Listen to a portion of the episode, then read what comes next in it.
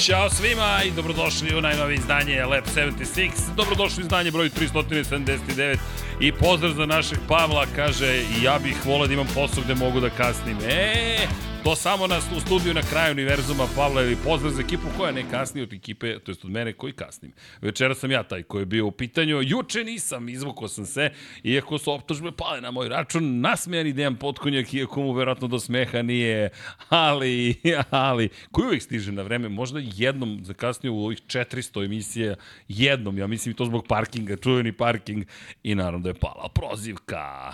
Kaže, samo 8 minuta, obično nije ispod 15. Ne, Boško, to su insinuacije, nije tačno, kasnimo 15 minuta. Ili sat vremena ili ništa.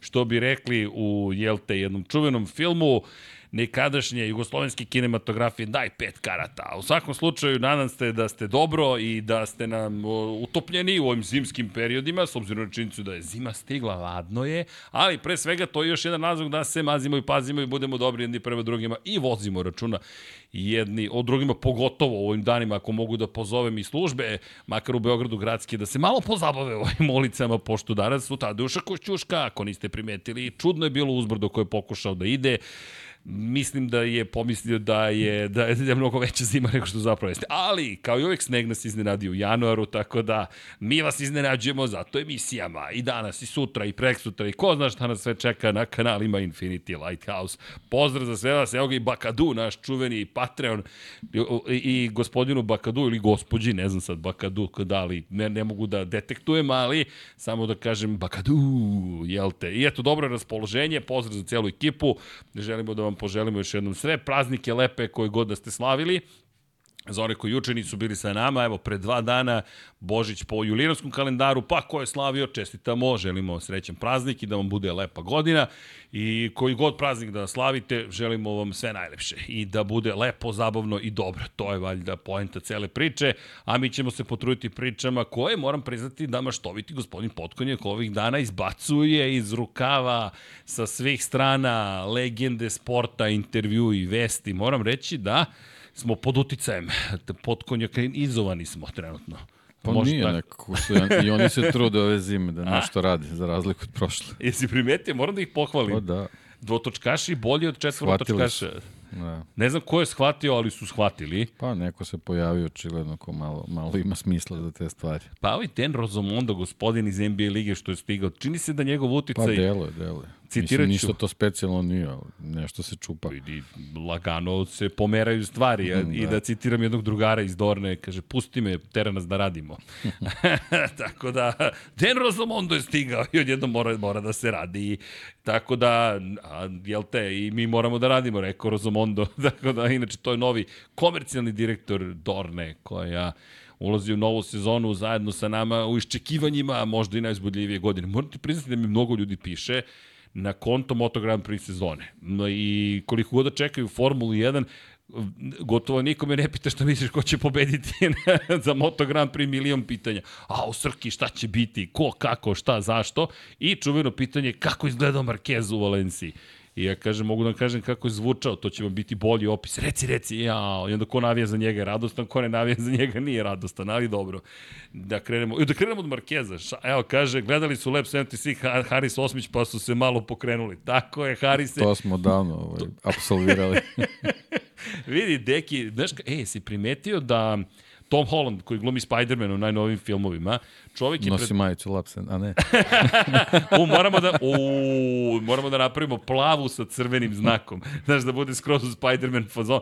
Ja, i onda da napravimo mreža, da bude kao da je u, u, u, kod pauka, Jel neko koristi mrava? Ne mrava, mrava imamo, nego pauka kao zaštitni znak. Spider Martin. Spider, Spider Martin, Martin, da, da Spider, Spider Martin. Znam da neko ima Spider Martin, ali šta sam htio kažem, Tom Holland, koga su pre 10 godina pitali, dobro, ima neka uloga koju bi volao da glumiš tokom života, pa kaže Spider-Man za 10 godina, eto ga u Spider-Manu. Pitaju ga pre ne znam koliko godina, jel imaš neki celebrity crush, čuveno, jel te, da, te, da si se zaljubio neku slavnu ličnost, Zendaya, evo ga sada zabavlja se sa Zendayom čovek. Onda su ga pitali s kim bi volao da glumiš nekad u budućnosti, Tom Gyllenhaal, Gyllenhaal, Gyllenhaal kako god da se čita, glumio sa njim u, u trećem delu njegove verzije Spider-mana i tako, gospodin pa koji predviđa budućnost. Kao Bucket Simpsonovi. List. Bucket list. Bukvalno bucket list, samo skida čovjek lagano i, i sređuje stvari. Bakadu, muško srki, dobro da znamo, Gozmister Bakadu. Ali da, Bakadu Luk. Tako da, eto, Tom Holland je predvideo budućnost, a Lab 76 vam govori šta će se desiti. Slušajte Dena Potkonjaka i Miksu 99 yardi, Miksu deli fikseve tamo, samo govori ljudima šta će da se desi. Jedno čekam 99 yardi, ja moram da priznam, žao mi što ste ispali kao Cincinnati Bengalsi, Pa, ali... s obzirom kako je počela sezona, još je dobro i, i bilo da bude trenutak da se nadaš da ćeš proći. Ali pazi, 9 pobjeda i 8 poraza, uopšte niste loši. Uopšte nije loš, mislim da je to ne znam, tri, 12 ili 13 ekipa je samo bolje. Da, i inače... I onda ima grupa koja ima 9-8. A poslednji ste u svojoj Da, diviziji. da, da. Inače sa Pa 9-8... to je problem, baš je teška divizija. Ne, baš ste, da, Sever je sada AFC-a jezi. Inače, mislim da se nije desilo od 1939. na primjer, da je u, jednoj diviziji svaki tim pobednički, da ima veći broj pobeda nego poraza. To je naš usud. I vi pogodite Ravens u najboljem izdanju, Steelers koji se provuku i možemo slobodno reći u celoj priči Pa dobro, mi, Neočekivano mi dobre izgubili Browns. Steelers. Vi ste izgubili Steelers, jeste. Ali dobro, to ćete da gledate u petak u 99 yardi, a kaže Luka, čestitam Srki, pobedili ste svog gazdu kluba nakon 7 godina. Samo ću vam reći šta sam napisao Mixi i Jimmyu dok su kukali u prenosu u crvenoj zoni. Inače, pozdrav za ekipu koja je radila crvenu zonu ove godine, prvi put da je u Srbiji, u Bosni i Hercegovini krenula još ranije, nisam siguran za Hrvatsku, ali crvena zona, kogod je radio na ovim prostorima crvene zone svaka čast, to je neka vrsta multiprenosa, ali od 7 do 1 ujutro treba raditi i biti fokusiran i znati svakog igrača na svakom mestu, tako da No je prosto nevjerovatno kako se promeni kadar kao da su u utakmici stvarno. Jeste. Ne, bukvalno, ali, ali sam sjajno ih je slušati. E, jedino što svake, evo kaže Boško 1935. godine. Dakle, Sjajno, to, ali meni naporno, ne, ne mogu da, da ukačem šta pričaju u trenutku. I znaš da meni diže adrenalin previše. Da, da, ne, Počinjem mogu, da ne sam u mogu, stresu sam. počinjem da, da pokušam, pokušam se koncentrišem da im koja utakmica u stvari, jer oni, oni nastavljaju kao da, da su zajedno u prenosu, pa se prebacuju kao da ih je 42. a, a ne dvojica koji, koji su pritom radili Svaka podcast čast. od 4 sata, Svaka dva dana čast. ranije. Ne, ne, stvarno, svaka čast. I ne samo oni, ali generalno baš je bilo zabavno. Mladost, ludost Ali hrabrost. i hrabrost. ali, ali, kaže Bartovine, šta radi dežurne zimske službe u januar kada ih iznenadi belo sa neba? Ništa, igraju karte. Pa, ljudi, uvek je dobar trenutak za preference. Neki pref da padne. Si igrao preference? Pa jes. Ali da, Vratno u fakultetskim Pa danima. ne, sad bi morao da se podsjetim svega. O, ja se ni I ne neke lore i neki vistovi, i ne znam ja, to, to bi morao bio neku, neku knjižicu pravi, pravila sad da, da. Ali nisam nikad se nešto onaj preteran dubljivo to. Ja to volim ovako da bacam sam. Deki, znaš šta mi je sad palo na pamet? Dok i bacaš, imam, bacam ideje. Red Zone. Na kraju ćemo da dobijemo Red Zone F1, MotoGP, Superbike i verovatno, tako dalje. verovatno, Multi prenos svega što se u tom trenutku dešava. Katastrofa. Zato što ako pogledaš, već smo imali presedan da su poslednje trke sezone u Moto Grand Prix u Formula 1 bile sad u 2023. I mi smo preteča crvene zone zapravo bili. Trči iz jedne kabine u drugu kabinu. Znam, ali ovo je liga. Ovo je... ne, ne, znam, znam, gledam te samo, ali... Ne, ne, ne Ali mogu dobro. uopšte da, da, da Da idem tim tome. putem. Da, Dobro. Vidit ćemo nekim drugim putem zato, be, bez brige. I pozdrav još jednom svima koji nam se polako pridružuju. Ali nema veze, dovešće do, dovešće do toga da, osim ako nam ne zabrane da prisustujemo trkama zbog bezbednosti, ovaj, dovešće do toga da ću sam da biram gde ću da idem, šta ću da gledam. Ne mogu sve. Da, da dobro, ne- doći ne u da situaciju da, vadim, da, tako postojiš tebi pitanje, do, a šta sad ja da radim? Nešto I da radim, znam šta ću putem da radim. idem? Znam šta ću da radim. Šta ćeš da radiš, deki? Pa to neću gledati sigurno. E, da, inače, ja moram da vam kažem nešto. E, sad ćemo to da prikažemo, ja se nadam. Vlado, šaljem ti jednu fotkicu, pošto je mnogo važna fotkica. Mene frapirala, kopiram druge youtubere. Znaš, da nas, znaš kako nas obeležavaju trenutno? Raspitao sam se medijski, kao medijski medijski entitet, taj tako nazovem federacije. Content creators. Da znaš, tako, tako nas obeležavaju, ili kako god već da se zovemo, šaljem To dobro, ti, taj termin postoji ali za nešto drugo. jeste, Pa ali, da, da, da, ali eto da znaš, content creators. Kreatori drago sadržaja. Nekad se zvalo novinarstvo, nešto, nešto napišeš, to je neki sadržaj, pa se, pa neko čita. CC Devil. Kako? Sisi Devil? e, dobro. Ene, ovo hoću da vam pokažem. Deki, da li si znao da je 87,1 od 100 ljudi koji gledaju Infinity Lighthouse nije subscribe-ovano. 12,9 jeste. Ljudi, uh, vratim, Vlado, ako možeš preko mene stavi ovo, ja ću napraviti tužno lice, razumeš? Ja ću da napravim tužno lice i da kažem, ljudi, Evo ovako, čekajte, tužna priča za novu godinu. Nije tužna, vesela i radosna je, ali prešli smo 45.000 subscribera, ponavljam, to, to je broj, ali vi niste broj, svako od vas je čovek. Međutim, ljudska pomoć nam treba vaša. Zašto? Zato što nam i tekako znači kada ste subscriberi. Zašto je to tako? Da vas ne lažemo, veliki šef nam je YouTube, koji je u vlasništvu Google-a, koji je u vlasništvu Alphabet kompanije. I sve to ide u krug. Onda nama kažu kad imate više subscribera, više ćemo da vas preporučujemo, imaćete veću zaradu i tako dalje i tako dalje. Tako da, čak ne morate, ali možete da budete patreon.com kroz Infinity Lighthouse da posetite i postanete pokrovitelji ili kliknete join na YouTube-u, ali zaista nam znači da bismo mogli da pravimo veću, bolju produkciju, da možemo da idemo... Ljudi, mi smo nezavisni, samo da se razumemo. Ovo što vidite, to je sve što vidite. Pa ajmo ovih 87 da pretvorimo makar u 80, razumete, da, da, da dođe. Nije teško kliknuti dugme subscribe i ovo kad pošanje mix i miksa će da mi se onesvesti ima da kaže Srki, moramo to da promenimo. Tako da, molba je, koliko god se trudim da bude šaljivo, zaista sve što vidite sami smo stvorili. Tako da nema, nema mogula iza nas. Kad mi postanemo moguli, onda ćemo vam se javiti sa jahte u Mediteranu. Deki, koliko nam treba još do jahte? Pa ne. Čekaj da vidim. Nisam ponovno čanak, stavim da vidim. Ja, nešto je bilo, cash, ne. nešto je bilo jako, zovem ja Dekija i kažem, ne možeš me pokupiš usput, kaže, a busom sam, pa rekao, ništa ti kao GTA, otmi bus, kaže, kaže Deki, samo još da dođe, rekao, pa dobar je to način da sačuvaš autobus, ne može da se otme nešto čega nema, tako da, da, da bezbedni su autobus. Ne mogu, ne mogu da čistim kola, to mi je... Teška priča. To mi je najgora stvar na svetu. Jednostavno puštam da sunce uradi sve. Automatizovo si proces. Apsolutno. Evo, najgori, na najgori prirodu. posao na svetu je čišćenje snega sa automobilom. A, dobro. Ali eto, vidjeli ste statistiku, kad jako gledam, razmišljam, to gledam već par meseci, ne mislim, a gde sada da smaramo ljudi, da razmišljam, čekaju 87%. Ljudi, evo, tužno lice hollywoodsko, ali zaista ukoliko kliknete subscribe, ne morate ništa drugo, navaćete kako da znači. Možda možete i like, a i ako vam se ne dopada, izrazite svoje mišljenje, mi ga podržavamo. I tako. U svakom slučaju imamo mi mišljenje o mnogo toga, izneli smo ga i tokom novogodišnjih praznika, pogledajte i novogodišnji specijal, ko bi malo da se zabavi, a nama kako se čini, bit će zabave, deki, ja bih rekao, u Tavuliji, da ne kažem Tavulji, za vikend, s obzirom na činjenicu, trka ipak ima, ne vredi. Valentino Rossi prošle godine u decembru, ove godine i novembar čak možda je bio. Znam da je jedan dan pomeren zbog nevremena, loše vreme bilo u Tavulji za one koji ne znaju i da se ne lažemo, inspiracija za rana ČČČČ jeste bio Tečin ranč u Čortanovcima, odatle 3Č, ali takođe inspiracija bio zapravo ranč Valentina Rosija, koji je zapravo inspirisan rančom Kenija Robertsa. Prvi ranč, originalni, autentični, je smislio ne kao deo marketinško, marketinško poslovne imperije Kenny Roberts. Kenny Roberts je samo htio da vozi su dirt track popularni, neku vrstu, ajde i motocrossa možemo reći i da vežba svoju, jel te, svoju veštinu da razvija i jesi mi ti poslao, kom je poslao kako Kenny Roberts vozi počasni krug, ti si mi poslao.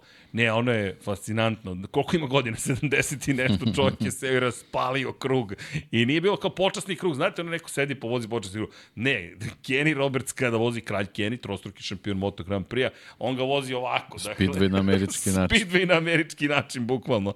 I ti Speedway motocikli su zanimljivi. 500 kubika, nema kočnicu, vi imate, zabodete nogu ko šestar i vozi Miško. Leg dangle i to je to. Da, bukvalno, i leg dangle. Pa mnogo se uči od toga, zato je taj dirt track dobar u stvari.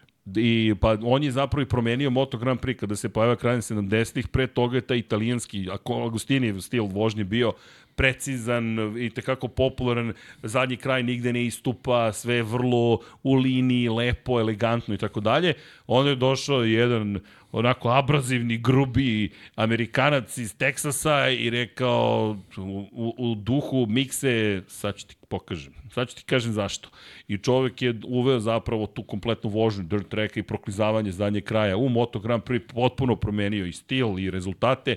U prve tri svoje sezone takmičenja u šampionatu sveta zabeležio neverovatne rezultate, osvojio tri titule za redom i taj ranč čuveni je nešto što je emulirao zapravo Valentino Rossi, ali naravno Valentino Rossi u svom duhu to podigao na neki potpuno novi nivo i ranč jeste toliko popularan i sama trka koja se održava 12. i 13. zapravo je trka koju ćemo imati prilike da, da nećemo možda moći da je gledamo nužno, ali da je ispratimo makar rezultatski, s obzirom na činjenicu da zaista je ogroman broj vozača koji dolaze. Ja sam napisao sedam šampiona Moto Grand Prix, ne zamjerite, nije moglo da stane Moto Grand Prix, Moto 2, Moto 3 šampiona, pa sam ja sabro šampione i napisao Moto Grand Prix. Ali činjenica je da su to uglavnom vozači koji voze u Moto Grand Prix, samo jedan otprilike nije svoju titulu Marko Beceki, svi ostali su osvajači titule i pojavljuje se i Remy Gardner u celoj priči. Naravno, pročitat ćemo imena svih koji nastupaju, ja ću pokušati da budem brz, ali poslušajte ovo imena,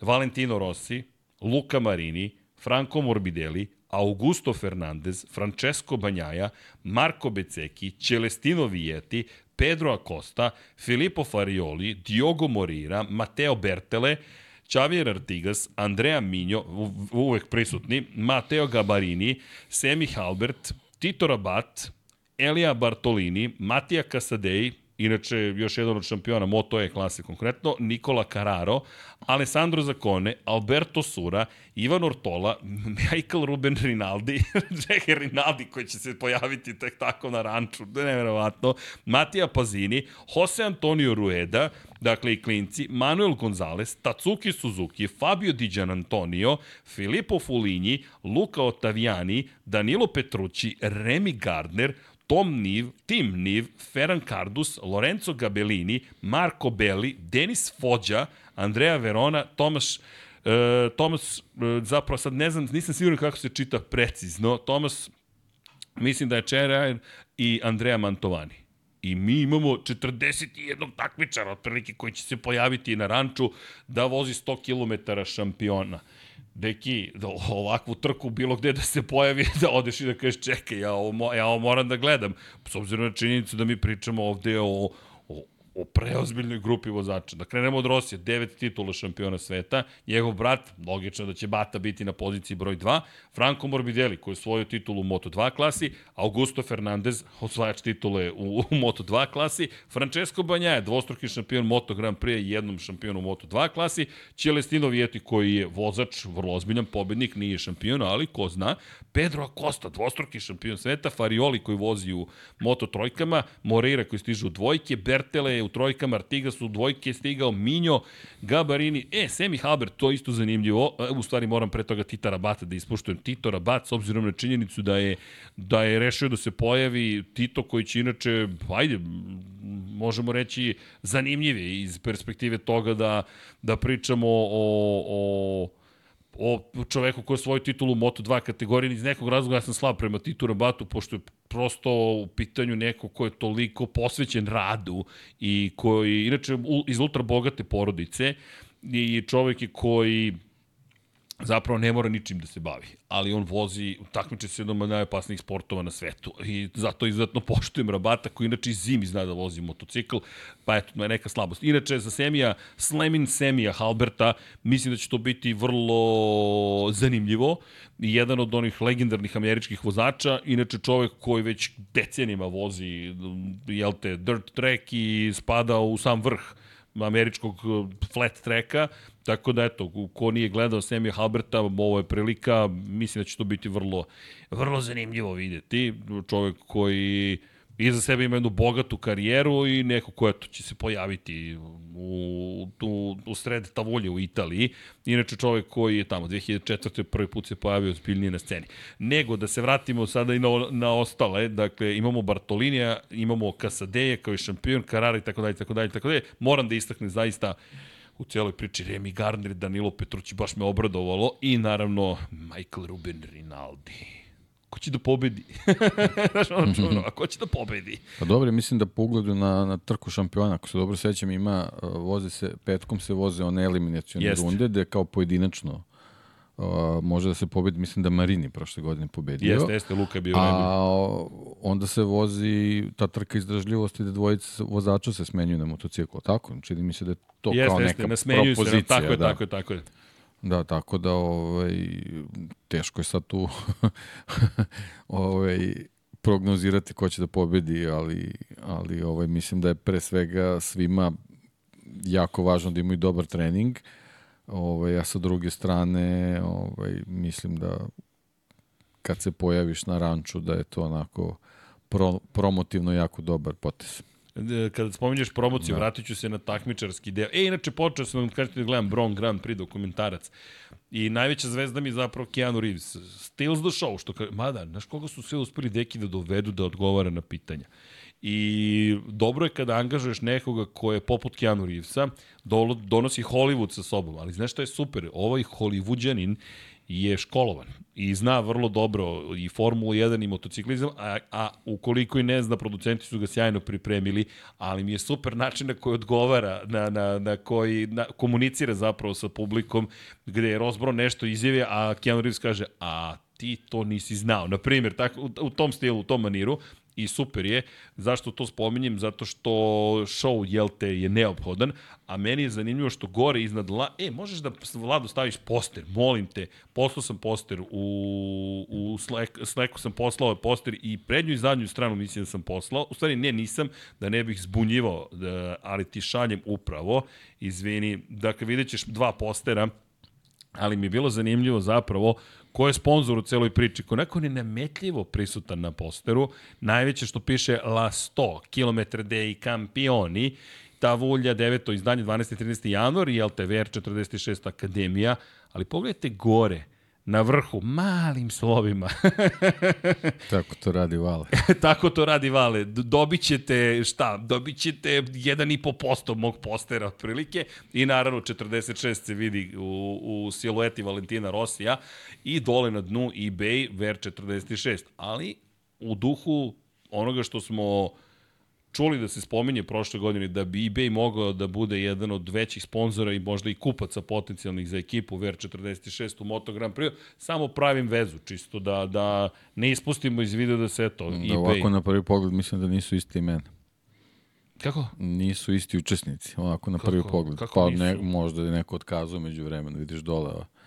Ovaj, A nije, baš ne bih mislim čitao. da, ne, ne, ti si čitao, ne, ne, ne Nisam, kažem da ti, ne, ne, ali ne. deluje mi da, da, da, da je delimično izmenjen.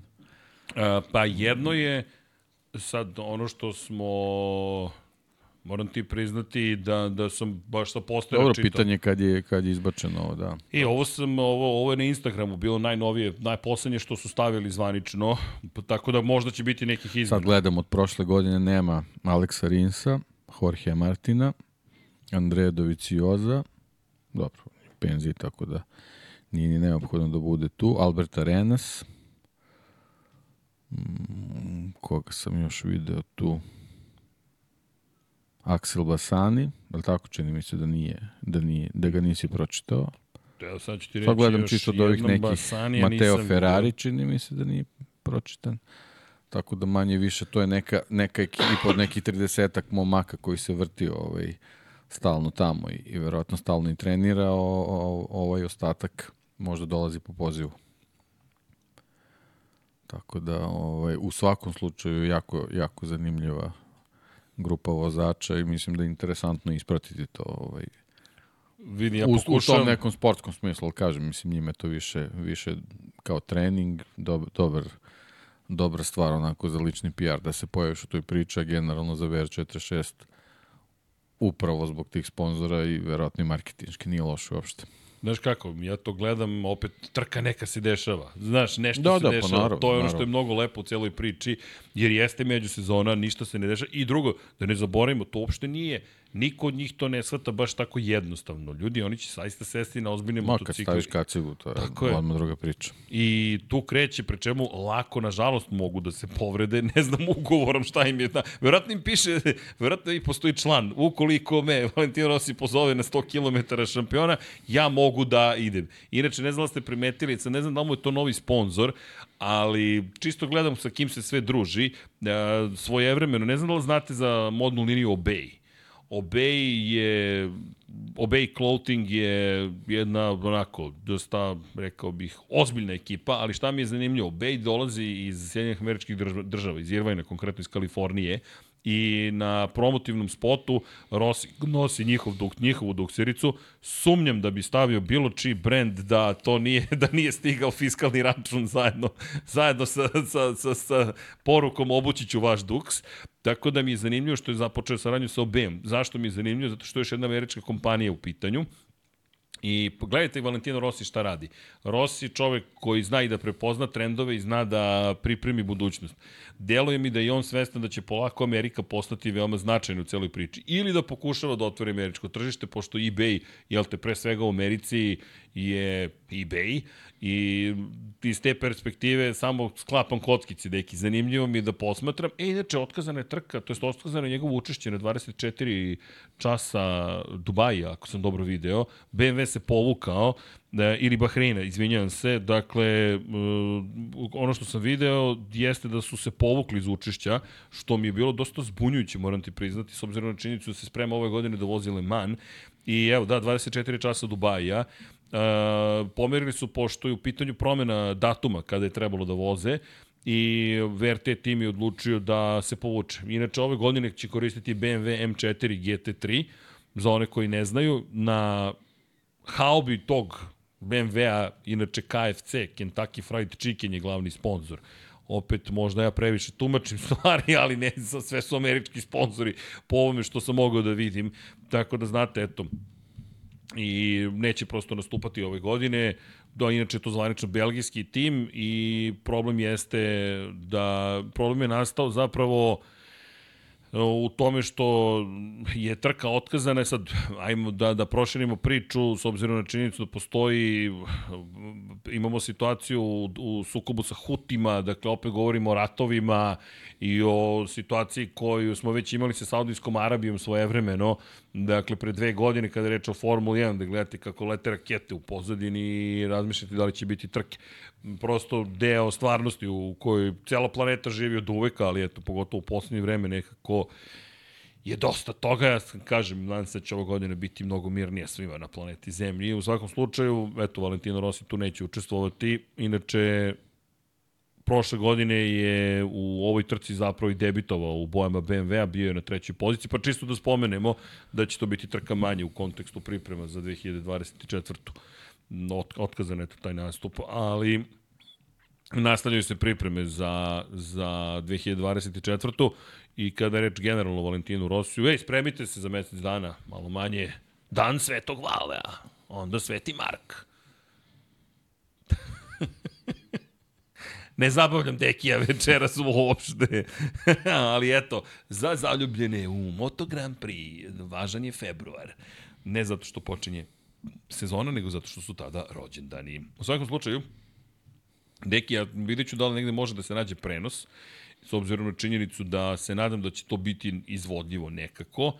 Ne znam baš kako, ali ako se, ajde da kažemo, ukoliko uspemo da negde nađemo, mi ćemo se obavestiti svakako kako sve ovo možete da ispratite. Bilo bi vrlo zanimljivo videti zapravo kako to sve izgleda i kako se trkaju. Moram priznati da bih volao da komentarišem to. Inače, da, da napomenem da informacija ima vrlo malo zapravo i iz te perspektive što ima da se napreduje. Nisam siguran čak da će biti na YouTube kanalu ili ne, ali opet svaka čast za organizaciju nečega što mislim da će biti makar na društvenim mrežama vrlo interesantno i moram ti priznati da kada, kada gledamo ko sve dolazi, ima tu i zanimljiva priča koji ne dolazi, kao što si rekao, Martin se neće paviti, ali mislim da to nema veze neke posebne priče, prosto Martin koji, koji je već u pripremu za sledeću sezonu. Ej, kako ti se čini ova izjava da je sada i Marquez njegova meta za sledeću godinu? Ja mislim da je Martin rešio, ako postanem svetski šampion, to ću postati tako što sam izazvao i fabrički tim Ducatija, i Francesca Banjaju, i Marka Markeza u celoj priči, pa i ostale vozače, jel te, na gridu, ali direktno je rekao, ako pobedim Marka Markeza na Ducatiju, to me čini jednim od velikih vozača u, u, u ovoga sporta. Pa ako ne pobedi Marka Markeza, to je argument uh, više za Ducati da ga ne prebaci u fabrički tim. Tako da u tom kontekstu apsolutno Mark Marquez mora da bude njegova meta. Mislim, Dobro. To je sad možda neko iskarikirao njegovu izjavu, ali mislim da, da, je, da je i u tom smislu apsolutno ispravno. Ali bi se znači, dopada... Njegove, njegove mete moraju da budu fabrički vozači Ducatija i Mark Marquez. Ali vidi, dopada mi se što on to izjavljuje. Pa makar i ako je to izvučeno iz konteksta, to i dalje izjava iza koje on stoji. Da, moram da pobedim pa Marka ne, on Marquez. generalno nema šta da izgubi, mislim, posebno što je u prošloj sezoni apsolutno otkrio sve svoje karte. Zna se, znači, Jorge Martin veliki deo svojih bodova koji ga stavljaju u konkurenciju za svetskog šampiona osvaja u sprint trkama. Tako da ovaj, svako ko želi da, da pobedi Jorgea Martina mora da, da računa na, na visok plasman u sprintu.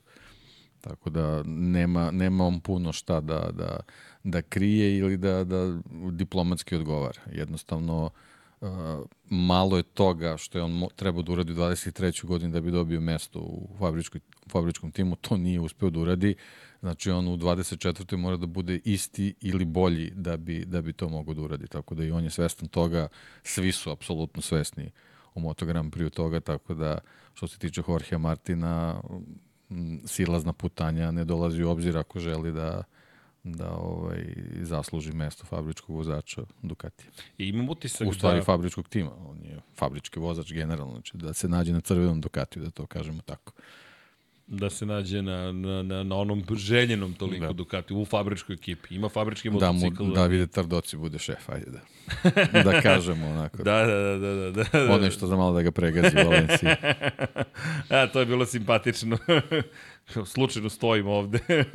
ali dobro, ali vidi, moram ti priznati da ne znam da li ih je neko učio ili se stvari, ja, ja sad već sam ubeđen da se stvari, znaš kada se stvari lepo slažu, kao, kao lep puzzle, kao slagalica koja ima, nije bitan samo, uvek gotovo je nebitan oblik slagalice, osim da pogledate gde koji deo ide ali sada delovi sami dolaze nekako po sebi. Zašto to kažem? Zato što kada pogledam izjave koje daje Jorge Martin, upravo ponašanje Davida Tardocija, trka sada u januaru koju organizuje Valentino Rossi, činjenica da iz Superbajka dolaze, da se priprema polako sezona Superbajka, da tamo imamo investicije ozbiljne BMW-ove, da imamo velike zvezde, da se sve to nekako kombinuje, mnogo mi se dopadne. Onda dođe Martin koji izjavljuje ovo što izjavljuje i ne mislim da on sad iz, izvukao Marka Markeza na nekom ličnom nivou. On je lepo rekao, to je, to je čovek koga moram da pobedim. Dakle, jer to mene čini velikim. I zaista pobediš Marka Markeza na istom motociklu, mali broj ljudi može da se pohvali tako, takvim uspehom.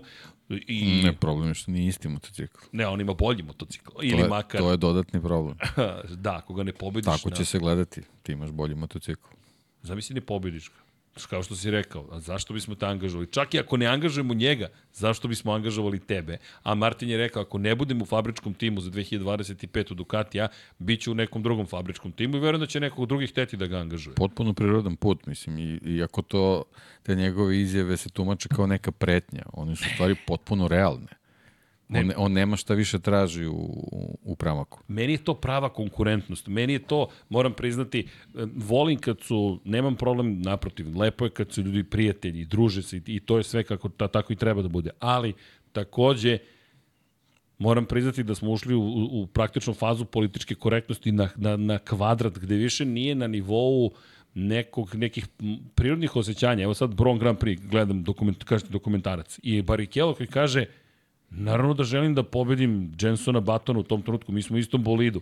I Baton koji kaže, kaže, slušaj, najlepša stvar je da pobediš klubskog kolegu. To je najlepša stvar, to ti je prva stvar koju moraš da uradiš. Još kada ste u bolidu koji je potencijalno pobednički, nema diskusije, ali nešto mi je još isto zanimljivo, da, digresija, a to je da je Barikelo na pitanje, sad izvinjam se što malo otkrivam neke stvari, ko ne želi da čuje, to narednih 10, 15, 20 sekundi, isključite zvuk, ali nisu, nisu neki spoileri sad prelike, ne kvarim previše, nadam se zabavu. E, Barikela pit, e, pitanje je vožnje pred domaćom publikom, na domaćem terenu. I Barikela kaže, znaš, nisam bio šampion sveta Formula 1, ali da biram između toga da budem šampion sveta i da pobedim na domaćoj trci, biram da pobedim na domaćoj trci. Koliko? Pa eto, njemu kao Brazilcu bi značilo Interlagusu da slavi pobedu. Dobro, sad možemo se vratiti na masu šta bi njemu značilo daju svoju titulu pobedom u Brazilu. To je krvna karijere nad karijerama. Ali mi je to bilo zanimljivo, samo digresija, izjava koju je dao, ali da se vratimo upravo na ovo. Ti si na istom motociklu, ali znaš na što mi skrenuo pažnju, ne, nešto o čemu nisam razmišljao, a to važi sada za sve Ducatijeve vozače. Imate zeca, imate metu koju morate da eliminišete, uslovno rečeno, i mislim da se stvara prirodno rivalstvo koje ni, ne mislim da je zasnovano nečem ličnom, nego upravo na tome moram biti bolji od pa tebe, da, ček, imamo isto. pojavio se drugi problem. Da. Oni su postali mete. pa kažem ti... Znaš, nije Mark Marquez meta. Pa, Roršek, pričali smo o tome. Niste vi zatvoreni, niste ja zatvoren s vama, vi ste zatvoreni sa mnom, jer on, svi su njegova meta. A zato se kažem, njegove... zato ćemo Mislim, ne, ne sledeće godine u ovo vreme. Mislim da ćemo i ranije pričati da je Ducati napravio dobar potez zato što je angažovao Marka Marqueza. Misliš da je napravio dobar potez? Ne da nije napravio, ne to, to, to, to da sad si me zbunio, jer to je potpuno Kažem, promena. analizirat ćemo da li je Ducati napravio dobar potez tako što insistirao da Mark Marquez sede na njihov motocikl. Pa ako im rasturi strukturu celu, Da.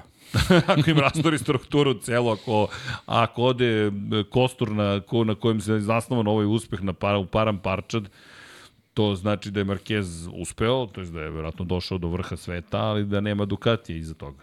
To je da će pitanje biti šta će... Pritom ti na, ti na mestu čoveka koji treba sve da drži pod kontrolom imaš, da kažemo, Novajliju.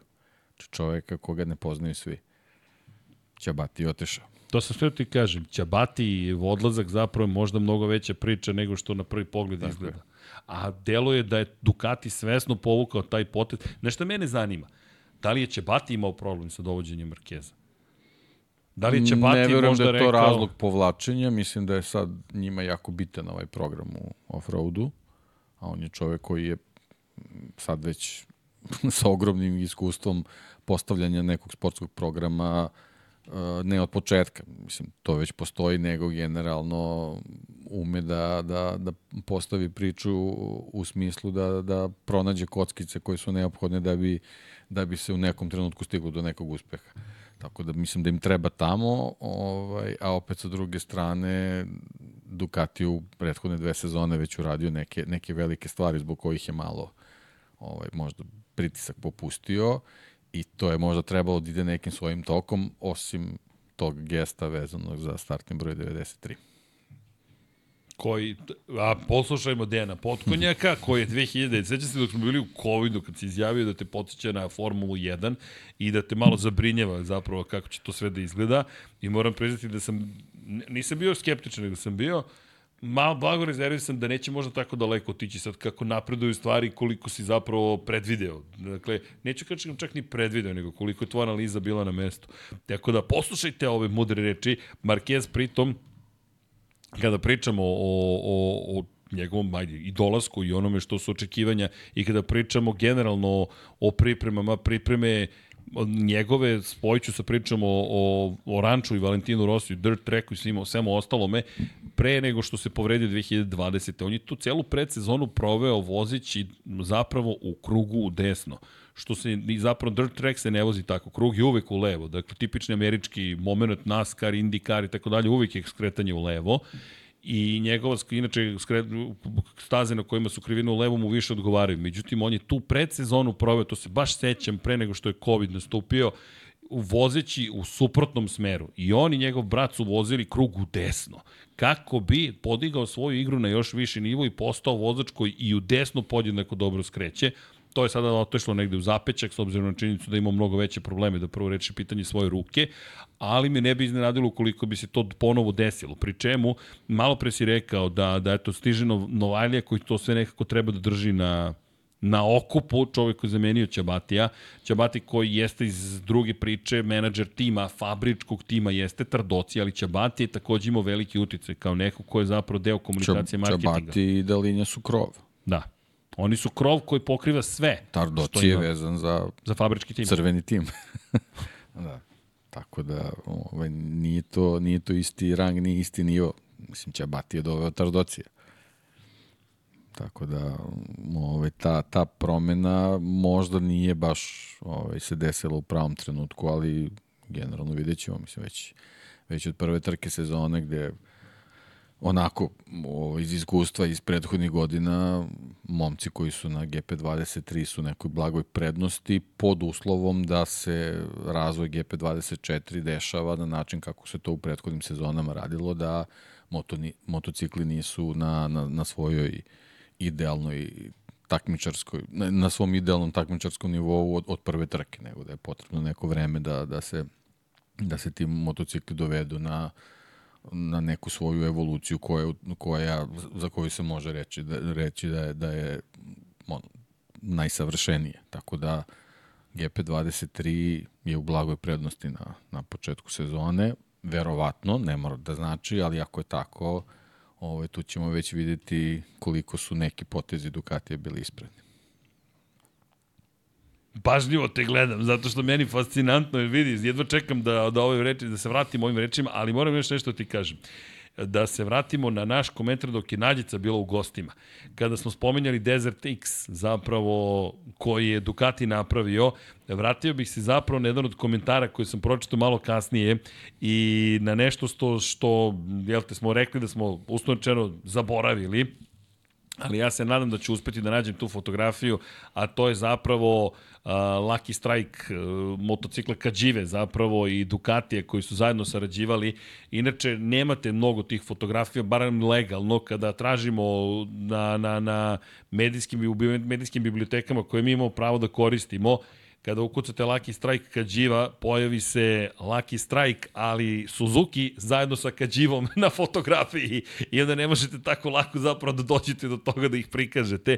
I imaš otprilike dve fotografije gde se nalaze Suzuki i Kađiva zajedno, ali pozdrav, ne sjećam se tačno ko je dao taj komentar, bilo mi mnogo simpatično, pa samo eto, htio sam da, da, da, da to ne zaboravimo. Potrudit ću se da legalno nabavim fotografije, molim vas, da znate kada se uzimaju fotografije, legalno da se oda i priznanje onome koje je, rekao sam ti da sam gledao, kaže ti Monca 130 izdanje Lab 76, ne znam zašto se mi se to pojavilo, ali okej. Okay. I u svakom slučaju ono što mi je bilo zanimljivo da si ti da, spomenju kako su sve svetske zvezde Andrejevu fotografiju prikazali, nikoga nije potpisao i kako bi drugačije bilo da je neko njihove fotografije uzeo. Tako da pozdrav za našeg Andreja Isakovića, ali eto, za one koji ne znaju, mi smo zaboravili već, ali činjenica u pustinji je s Ducatijevim motorom zapravo nastupala Kađiva i bili imali su Lucky Strike kao, kao svog sponzora u vremenu kad je Lucky Strike Suzuki harao kružnim stazama neko, neko do, do, okay, drugo vreme, duvansko vreme, ne, popra, ne promovišemo duvan, ali čisto da je to, ne zaboravimo da je to deo i takođe istorije. Apsolutno, to ne treba tek tako da se briše iz, iz nekih modernih razloga, da ih tako nazovem, da, da ne budem grub.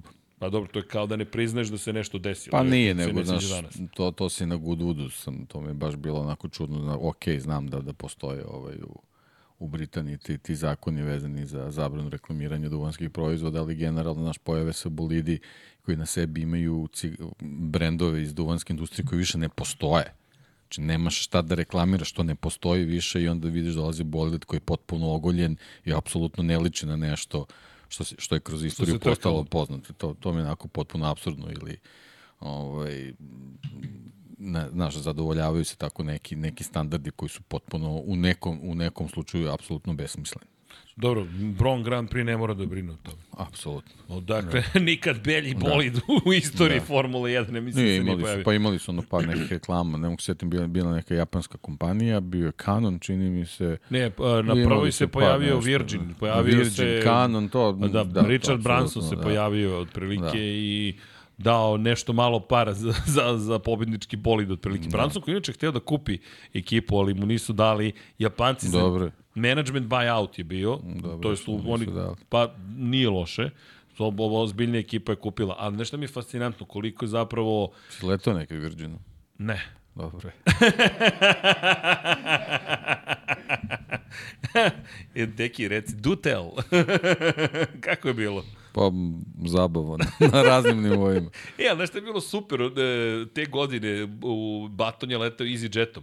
I kaže on, letao sam EasyJetom, low cost airline, i, on, i Bron, e, Ross Bron koji kaže, da, sedim u avionu jer nema para, i letimo svi zajedno sa našim navijačima. Sad ne samo našim, nego generalno s navijačima. Sad tu ti sedi zvezda Formula 1, budući svetski šampion, šef ekipe u ekonomiji sede i to ti je to. Da nema, nema nisu imali dinara, bukvalno. I, i, i sad leti se, ali bilo je zanimljivo. Da, inače, Honda koja nije htela, pričat ćemo o Repsol Hondi, ali Honda koja u svom duhu nije htela da proda Bransonu jer mu nije prosto se nije dopao, nije bitno koliko imaš para, nego ne, ti nisi trkač. Ne, podržavam. Podržavam u potpunosti, ali ne što je Branson, nego što su prihvatili da Bronu su verovali. Ross Bron koji je došao s idejom da se, zapravo Nick Fry je smislio da otkupi upravni odbor, da otkupi ekipu i meni je žao, moram ti priznati, razmišljao sam o tome, Zamisli da je Suzuki-u neko ponudio, da je neko Suzuki-u a Davide Brivio je kriv za sve. Zamisli da je Brivio bio tu i Suzuki kaže izlazimo i kaže ajde da odvezemo što smo. Ma to jedno već uradili sa Hayateom i Kawasaki kada je odlazio od Hayate je nastao iz Kawasaki. Pa mislim da je sad i malo drugačija situacija. Mislim Jeste. da je ovaj odlazak jednostavno procena da ne mogu da drže ovaj tempo. Da, ja mislim Razvoje, da su pravo, da, da, da su shvatili da će da košta. Jer oni su verovatno izračunali koliko bi koštalo da, da urade izmene koje su bile neophodne kad su videli vjerojatno koje cifre u pitanju. Rekao sam, ovo nije igra za nas. Ostavit ćemo ovo ovim šaševim je. evropljanima. tako je, tako je. Mislim da je, da je to ta procena bila. Pa da, negde... Nešto što Honda i Yamaha malo, malo će teže da, da pristanu da urade, ali Više... Ali što se tiče Suzuki, ja ono što kažeš, oni su već nekoliko puta dolazili, odlazili, nije, nije to njima problem. Da, nije da su tako vezani, tako ali je. zato često ispominjamo, juče smo pričali o tome da Mercedes može da ode iz Formule 1, ali ne i Ferrari. Isto važi i za Repsol Honda. Prosto, ne znam da li će se zvati Repsol, nemamo pojma do kada će Repsol da bude tu, ali nekako su postali sinonim jedni za druge. Ne znam, ja sam ono pre par sezona pričao, čini mi se da, da je meni tandem koji bi mi prirodan bio u Repsol Hondi, Jorge Martin Raul Fernandez. To, Raul mi je nekako, to mi je nekako tim za Repsol A što ne Pedro Acosta? Pa ni, mislim da u tom trenutku čak nije bio nešto ni aktuelan. Ovaj, Još nije ali, bio, da. da. ali, ali i, i danas mi je nekako Raul Fernandez pre.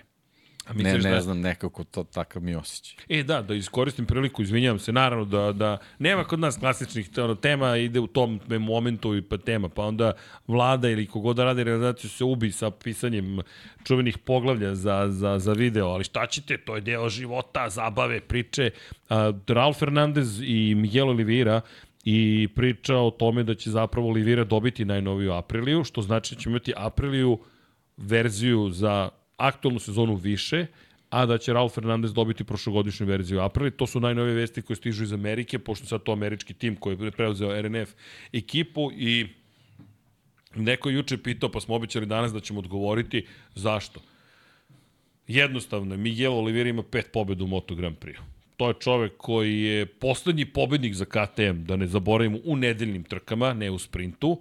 I to je čovek koji je zapravo pokazao da je sposoban da bude brz na, na, na motociklu gotovo svakom koji mu date. Ove godine, to, to je prošle sada već, to nismo nužno mogli da vidimo. I još jedna stvar, Miguel Oliveira dolazi sa ozbiljnim sponzorima, to je s ozbiljnim. Ima sponzore adekvatne, ne kažem da Raul Fernandez nema, ali nema baš tu podršku.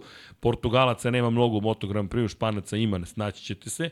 Ali još jedna stvar, Raul Fernandez baš i nije stvorio reputaciju koja je idealna i Deki mislim da ga to ozbiljno prati taj ceo nastup u teh tri ekipi. Skupo je platio baš tu, tu, tu sezonu, pa i tu pobunu koju je imao protiv KTM-a u godini dok je vozio drugoj polovini sezone u Moto2 klasi. Pa, generalno porodica cela je patila zbog toga. Jeste. Adrian Fernandez je dobio otkaz iz KTM-ove grupacije zato što je rođeni brat Raul Fernandeza ali meni to deluje nekako sasvim prirodno, dakle da, da ćete većoj zvezdi dati bolji motocikl, makar na papiru bolji motocikl i moram ti priznati da me raduje, zato što sad odjednom imamo tri fabričke Aprilije najnovije verzije. Vidi, generalno ne mora to ništa spektakularno da znači, mislim to je možda eto samo kako si i, i u svojoj prvoj rečenici rekao neko priznanje ovaj Oliveiri za, za pobede do, do kojih je stigao, ovaj, a posebno zato što imamo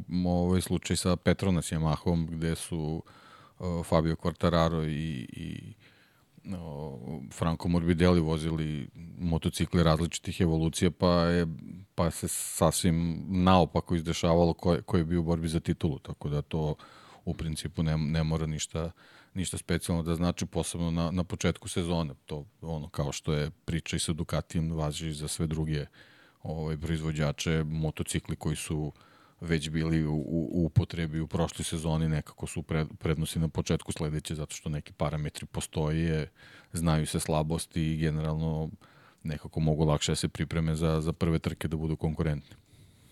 Kada je reč o Oliveiri, konkretno, ovo je tako velika promena, malo me podsjeća, eto, pravim paralele, ne baš tako dramatične kao Bron Grand Prix. Za one koji ne znaju, Bron Grand Prix je jedna od najlepših priča u istoriji sporta. Naravno, romantika postoji, ali postoji nešto više od romantike. Postoji Ross Brown i politika koja je, tato, lepo odigrao to Ross Brown sa, Petom, sa, sa, sa, sa Nikom Frajom i lepo su oni to izveli, ali on Petra, izvinjam se, ali ono što bih napomenuo jeste od čoveka koji nije na stazi u novembru prošle godine u Valenciji u momentu kada se gasi RNF Aprilija, gde njegov otac izgleda kao da je to kraj univerzuma i postavlja se pitanje, dobro, šta sada?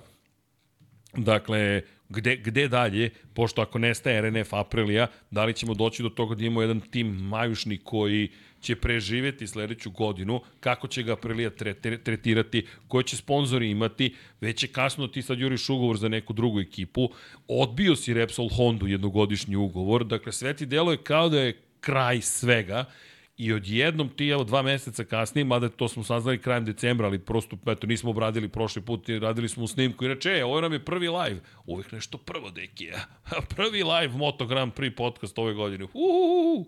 Dakle, pozdrav za našeg Jao Mileta, puče struja prošle nedelje, trči nazad, Pozdrav za vladu, preživeo je nekako. Zovu me, kaže, zapalilo se nešto, se zapalilo, ono, nastao tu neki problem sa kablom jednim. Jedan kabel, ali služba bezbednosti je bila na nivou, pošto Pepe zaštita funkcioniše, ali nije bilo potrebe za time.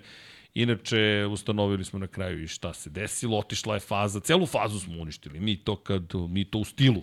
Dakle, pogasimo sve, ali pozdrav za Čika Mileta, pošto je na kraju gospodin Mililić uspešno sve to izveo. Desi se. Dakle, prosto punjač jedan je bio problematičnog kabla. Elem, da se vratimo mi na ovaj uživo Moto Grand Prix.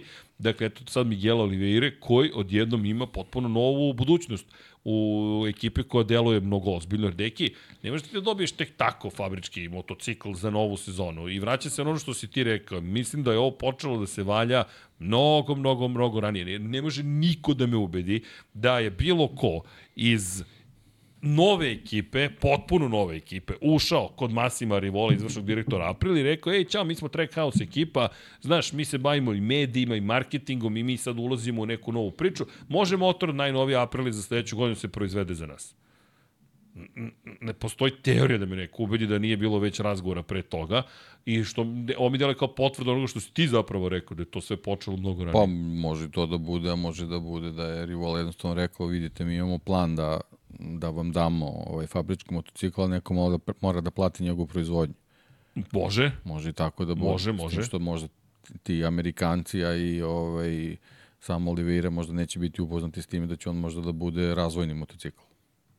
E, to, tako da će sad... Raul Fernandez možda biti u boljoj poziciji od Miguel Oliveira, tako da nije to sve izvesno i sigurno da će da bude ovaj, na, na čistu stranu Miguel Oliveira. E, znaš šta mene zanima? Ili video si koliko su ove sezone, prošle sezone imali problema. Kad se, kad se ustanovio problem, oni su morali ga rešavaju u hodu. Oni nisu imali test motocikla da, da to probaju odlična konstatacija imali kao i uvek. Imali su, naravno, Savadori, beš, ali tako? Savadori je vozio da. motocikl koji je bio potpuno dugmjeničnih vlakana. Jest. Mene zanima će to se je, pojaviti je, taj motocikl. Tako je, to je, to je neki drugi razvoj, ali razvoj vezan za tekuće probleme oni jednostavno nemaju, nisu imali, nisu imali mogućnost da, da ubace motocikl na, na taj način. Kao što Honda ima LCR ili, ili kao što Ducati ima Pramak ili, ili tako. Da, da, dakle ovo može da bude dvosekli mač, što tako kažu. Je. Znači, može... Miguel Oliveira može da završi kao Jean Zarko. u Lučičiki, ne o Racing Honda. Ne, ne da to, ne to, nego da završi kao za, Zarko da zapravo gde za on stvari bio četvr, četvrti vozač fabričkog tima. Da, da, dobro, Praktično. ovde je razlika što je su sada na tri. Ali opet Da, i pa to dobro, dobar pomak. To je, to je pomak za Apriliju, ne, naravno, Upravo verovatno, to. verovatno je, ovaj, nije baš tako jednostavno preskočiti odmah i doći do četiri aktuelna motocikla, ovaj, kažem, a verovatno promena vlasnika ekipe do, do toga da možda Aprilije može da priđe i kaže da li ste raspoloženi da učestvujete u troškovima izrade još dva motocikla. Da, Što evo, nije- Dušan nije Glavanić tako je upravo to pitao, pa eto, sad gledam chat, pa sad stiže top, top, top, top, top na Superbike kod nas. Inače, da odgovorim, Superbike na Eurosportu možete pratiti, to je već godinama, tako će verujem i biti. I da se vratim na ovu priču oko Aprilije, kada je reč o Apriliji, vidi, to jeste ozbiljan pomak u napred. Dakle, imaš sa tri motocikla, nema odustajanja, kažem ti, meni je super zato što odjednom sam ja se zaista iskreno zabrinuo, ne koliko sigurno porodica Olivira, ali da ćemo odjednom imati tim manje i ne samo to, da Aprili neki planovi počinju da padaju u vodu. Tako da je Trackhouse došao u pravom trenutku kako god je došao. U generalno što ti njihove situacije tiče, posebno za, za taj novi tim Trackhouse, mislim da svi trebaju da budu zadovoljni, uključujući Raula Fernandez.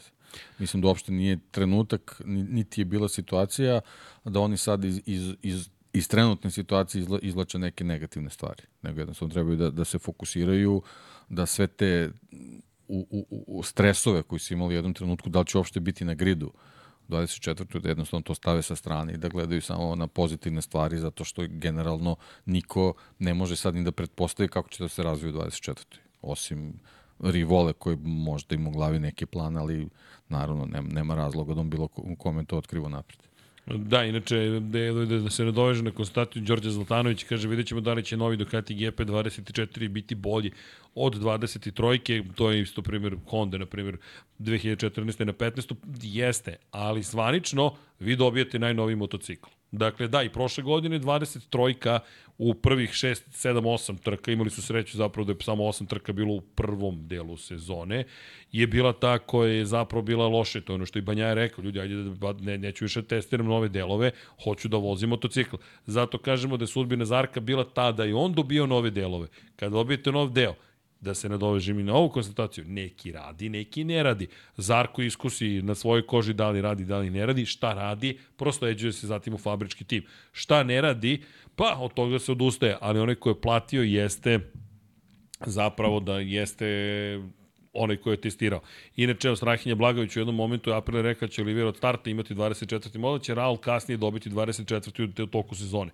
Vidjet ćemo, nadajmo se da, da će biti sve četiri najnoviji aprili. I mislim da je to bolje za apriliju, iskreno govoreći, zato što Deki mislim da je opet Ducati jasno stavio do znanja kako treba da funkcioniše sistem. Imaš tri ozbiljne vozača, stavi jednog da ti bude probni vozač i ne samo to, to ono što nas brine kod KTM-a i Gas Gasa imaš isti motocikl koji razvijaš. Nisi Ducati koji ima osam motocikala, pa četiri su nam stara, četiri su nam nova, nego si u situaciji da imaš dva stara, dva nova. Šta to znači? Ili Vinjales, ili Aleš Espargaro, i zašto se smijem, razmišljam, zamisli sad ista situacija kao sa Banjem, neko od njih dvojice mora da testira nove delove. Ne možeš da staviš na svaku trku svog probnog vozača, dakle Lorenzo Savadori ne može da vozi svaku trku, Ovde sad imaš opciju, evo ti ga Oliveira ili Raul Fernandez, s tim što je Oliveira prirodni izbor. On je iskusniji, što si lepo i rekao. Pitanje koliko će biti dobro za Oliveiru. Čak bi Raul Fernandez mogao da postane Jorge Martin Aprilije. A videli smo ga u Goodwoodu prošle godine u aprilinim bojama. Mm, pratit ćemo, Tako je. pratit ćemo situaciju. Da, inače, sada se ekipa zove zapravo u svaki put, svaki put, znaš kako mi je teško, track house, hoću da kažem tech, tech house ili weather tech ili nešto slično, track house, dakle kuća... Proći na- će neko vreme. Kuća na stazi. Da. Kuća na stazi, čisto da znate. A, I tako će sad, koji će biti zvanični sponsor, vidjet ćemo. I iz perspektive daljeg napretka, kažem, uz ove Rosijeve sponzore, te eBay, te KFC, te Obey, uz dolazak američke ekipe, zaista, sad, ljudi, da, razumem strah od TZV amerikanizacije, ali amerikanizacija nije sama po sebi dobra ili loša. E, Sve donosi dobro i sve donosi loše. Problem kod Formule 1 za mene je što se radi amerikanizacija, da je tako nazovemo, na loš način, a to je da se guraju ulične staze. i da se show gura zapravo u neke sredine koje smanjuju da kažemo učešće u tom odnosu sporta, novca i sporta, biznisa i politike u korist politike i biznisa, a na uštrb trkanja. Gde je za motociklizam stvar prilično jasna. Nema uličnih trka. Dakle, ne možeš da se trkaš na ulici, moraš da izađeš na bezbednu stazu namensku napravljenu za trkanje. To je po prirodi stvari prednost za motociklizam. Čak i kada je staza loše dizajnirana. Inače, preporuka, pročitajte intervju gospodina Zorana Živkova sa...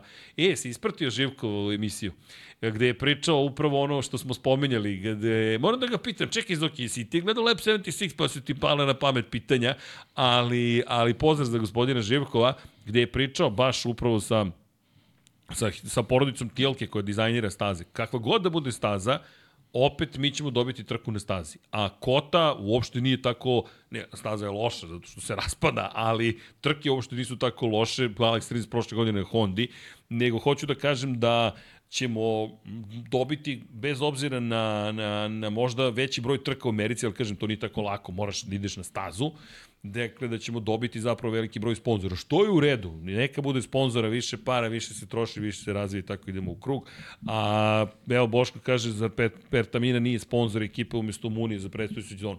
To bi trebalo da bude slučaj, inače ne znam da ste videli fotografije, si vidio fotografije iz Indonezije? Smeo sam se, neki kamion, uh, lokalne, lokalni transportni kamion ima najnovije boje Pertamina VR46 ekipe, jer je neko verovatno iz medijskog odeljenja Pertamine poslao rada da se napravi I onda su oni ljudi lepo napravili, naravno, internet, globalno selo. To je sloboda. I neko je fotografisao i sad se svi pitamo će tako da izgleda. da li će to tako da funkcioniše? Šta će da urade? Kaznit će me. pa ja sam samo uradio što ste mi rekli, treba nam nova reklama za Pertaminu, ok, šta je VR46, nemam pojma, štampajci radu i stavi na kamion. Dakle da, smo, da, dakle da se to pojavilo. Moram da vidim da li mogu da nađem to, da, da, da, da to čudo, remek delo fotografije, ali, ali čisto da, da znate, eto, da, da, da, da, da ćemo da vidimo. Inače, zvanično, uh, mogu da vam kažem na, na, da, ko je još otkrio zapravo da će se verovatno zvati Pertamina, sam Moto Grand Prix. Dakle, ako odete na zvanični za zvaničnu stranicu za ekipe u okviru Moto Grand Prix šampionata na zvaničnom web sajtu, piše vam Pertamina Enduro VR46 Moto Grand Prix team.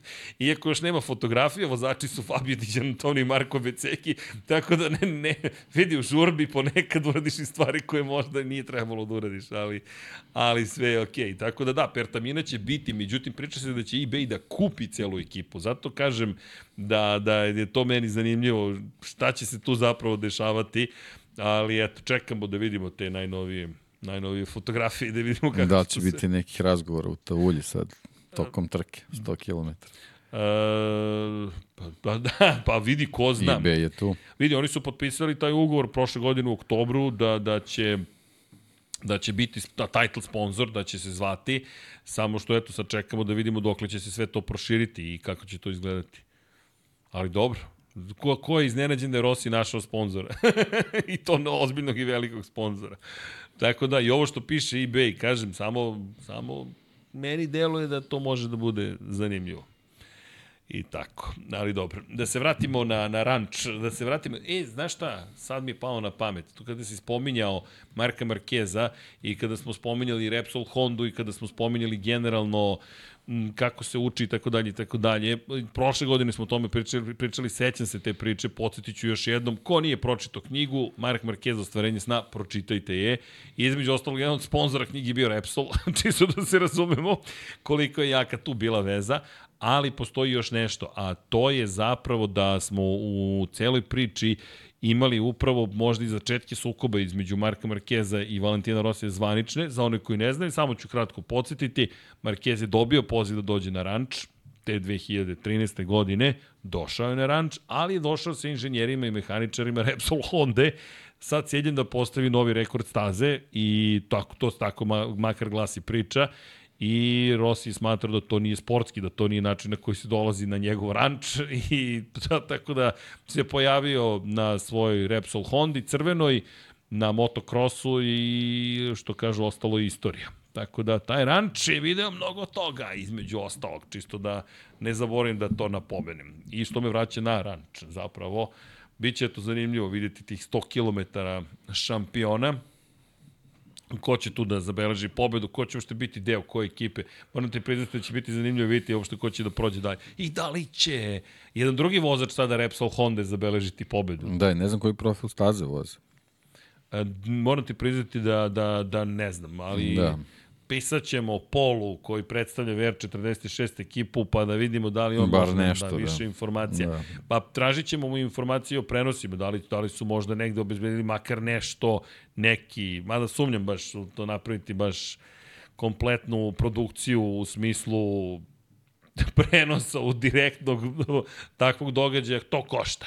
Tako da, ajde da vidimo. Verovatno će voziti veći oval, a onda ova, ovo proširenje, pošto sad gledam u profil staza, ovo proširenje, ovaj, da kažemo, taj neki polu oval širi treći će u stvari biti možda zona gde će biti gde će se raditi zamene ovaj, vozača na motociklima. Moguće da je to, pošto ima i ovaj malecki oval, to mi je onako baš delo mi da je mala propusna moć, da tako kažem. Tako da, a inače ovde ima, ima nekoliko profila mogu da se, da se kombinuju. Ima opcija dosta. Da. Ko je vozio igrice, zna da je mogo da vozi i po ranču. Neki od nas su pokušali. Uspio se završim par krugova, bez, bez, bez uzbiljnih padova. Ali dobro, to, kad, kad se budemo uvežbao, prošle godine sam obećao, nisam ispunio, izvinjavam se zaista da ću pokušati da da vozim to malo češće i uzbiljnije, međutim stvarno se ne snalazim. Apsolutno ne, ne, ne, ne uspevam i deki ništa da učinim i moram samo Vladu nešto zamoliti. Vlado, jel možemo da upalimo grejanje? Molim te.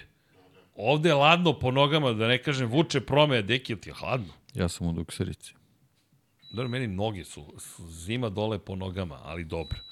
Morate vodite računa o, o svojim nogama, da ne o nogama samo, o svom zdravlju generalno, ali ti jesi u dukserici. Zašto ja nisam u dukserici? To je odlično pitanje. Zato što volim da nosim majice. To ste, pričao sam već. Da... Ne, ne, ne, ne, naš, ne, imam ja, meni se pokvario termostat interni. Ima, ima, ima u prodavnici, da, da, da mogu odmah da odim da kupim. Radi fiskalna kasa, ko svrati, e da, nema nam nikoga danas.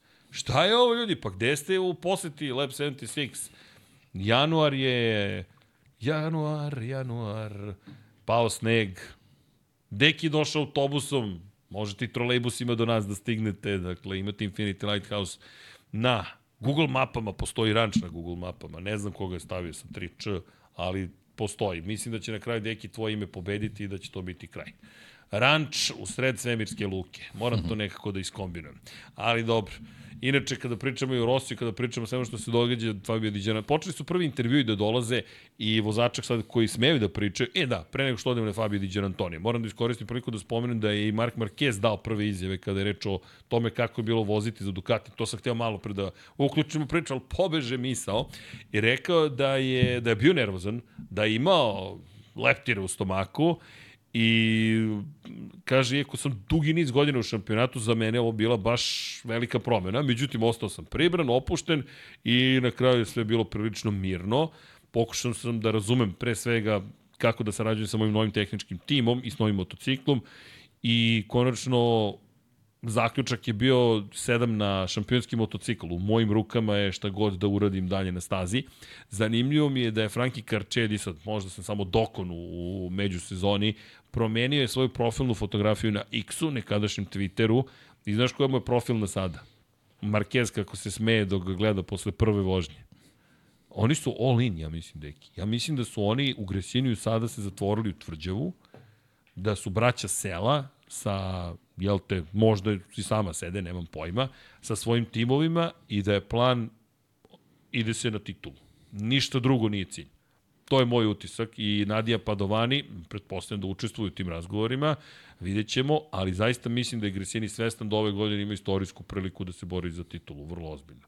I da će to biti, jer, možda, kažem, možda sam samo dokon, ali kada tebi čovjek poput Krčelje, koji nije nešto aktivan na društvenim mrežama, pošalje tu vrstu poruke, da je on spreman da stavi, jel te, fotografiju, znaš parovi kada stave fotografiju, sad pratiš drugara ili drugaricu, pa se zaljubi u nekoga, pa odjednom više nema njene fotografije, nego su njih dvoje, ili nema njegove, nego su njih dvoje. E sad, ovo ovde je sportska ljubav. Odjednom imaš njega i Markeza zajedno na profilnoj fotki. Tako, pa ne, verujem da, da Marquez nekom svojom posvećenošću može tako da, da okupi ljude oko sebe. Siguran sam to, to što si ti rekao, nije ni on bio siguran u što se upušta i onda posle tih prvih krugova i, i prvih rezultata u Valenciji bilo je jasno da, da, da tu ovaj, sposobnost za kvalitetnu vožnju dalje postoji. Ja verujem da ni on nije baš bio sasvim siguran kako, kako će sve proći na, na, na tom Ducatiju. A najgore od svega za ostale ako je shvatio da je tim Ducatijem lakše upravljati. To je ono što je što je neverovatno. Znaš, tako da ovaj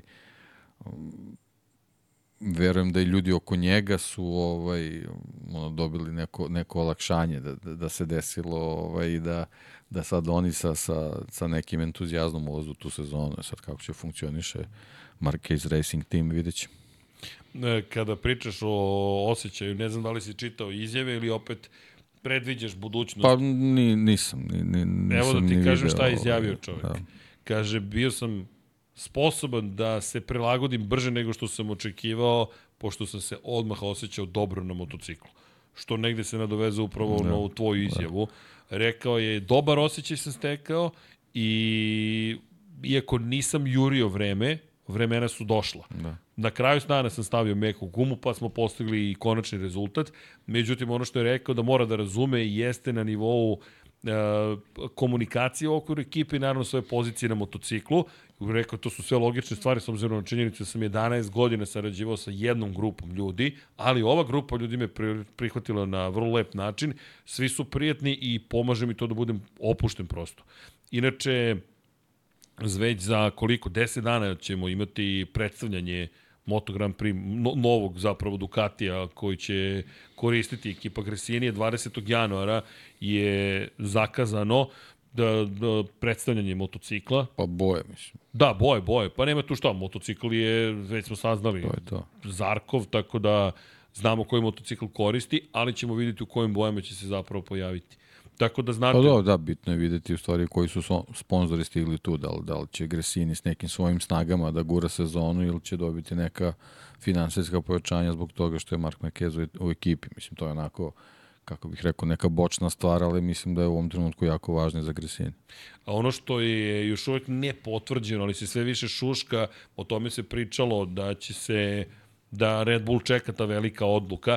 Ono što znamo jeste da zapravo Red Bull dolazi sa Marko Markezom u Gresini, to znamo, ali neki najnoviji trač moram priznati da da nema pot, nisam još vidio potvrde iz pouzdanih izvora, je da navodno neće sponzorisati Hondu.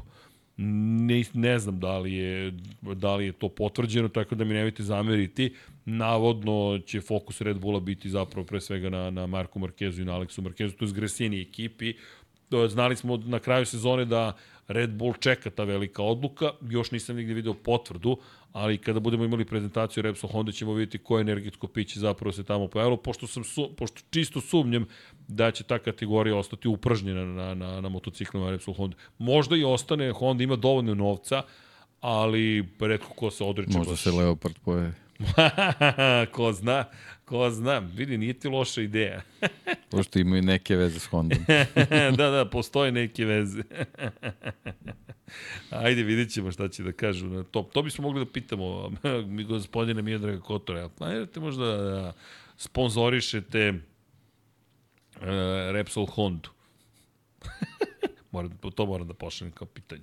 Poslaću odmah zapravo Red Bull kažu da napušta, da napušta Hondu, da uskoči Leopard. Ajde vidjet ćemo da li, će, da li ćemo se dopasti naša ideja. To je tvoja ideja. Ali naša je, sad je naša ideja. Ja stojim iza nje, ja sam je napisao takođe. Tako da, deki, vidjet ćemo, ali to su neke naše spekulacije davno bile, mada koliko znam, nije baš nije baš nešto preterano voljen da, da skače u Moto Grand Prix. Dovoljno je bilo sa Ferrarijem svega, ali ko zna, zna, zna da te povuče to. Pa kao Ross Brown, što je otišao navodno iz Ferrarija, i gde je Montecemolo rekao, Luka Di Montecemolo koji je bio šef Ferrari u to vreme, rekao mi da peca. I zato sam mu rekao da, da, da se slažem sa time, da mi je rekao da će se vratiti kao menadžer druge ekipe ili biti vlasnik, ne znam, srce bi mi se slomilo. Ali ne toliko da ga prijavim za prevaru. Uh, klub Pirana, klasičan, lepo je, to je savršen naslov, klub Pirana. Mada nisam da su Pirane, Pirani su mali, oni grickaju, znaš. Pa i ovi grickaju. Ali... Redko ko te onako baš ujede jako. Pa, Mislim, ima i toga. Više liče na ajkule, koje mogu ipak malo. Pa jesu, da znaju da otkinu. Znaju da otkinu, znaju, znaju. Ima neki Bernijevih super izjava. U, kako bi bilo dobro kad bi Dorna neka tako se progovorila. Berni koji nema problem da... Pitaju ga da, je se sećaš da si zapretio Bronu da im nećeš dati pare? Ne.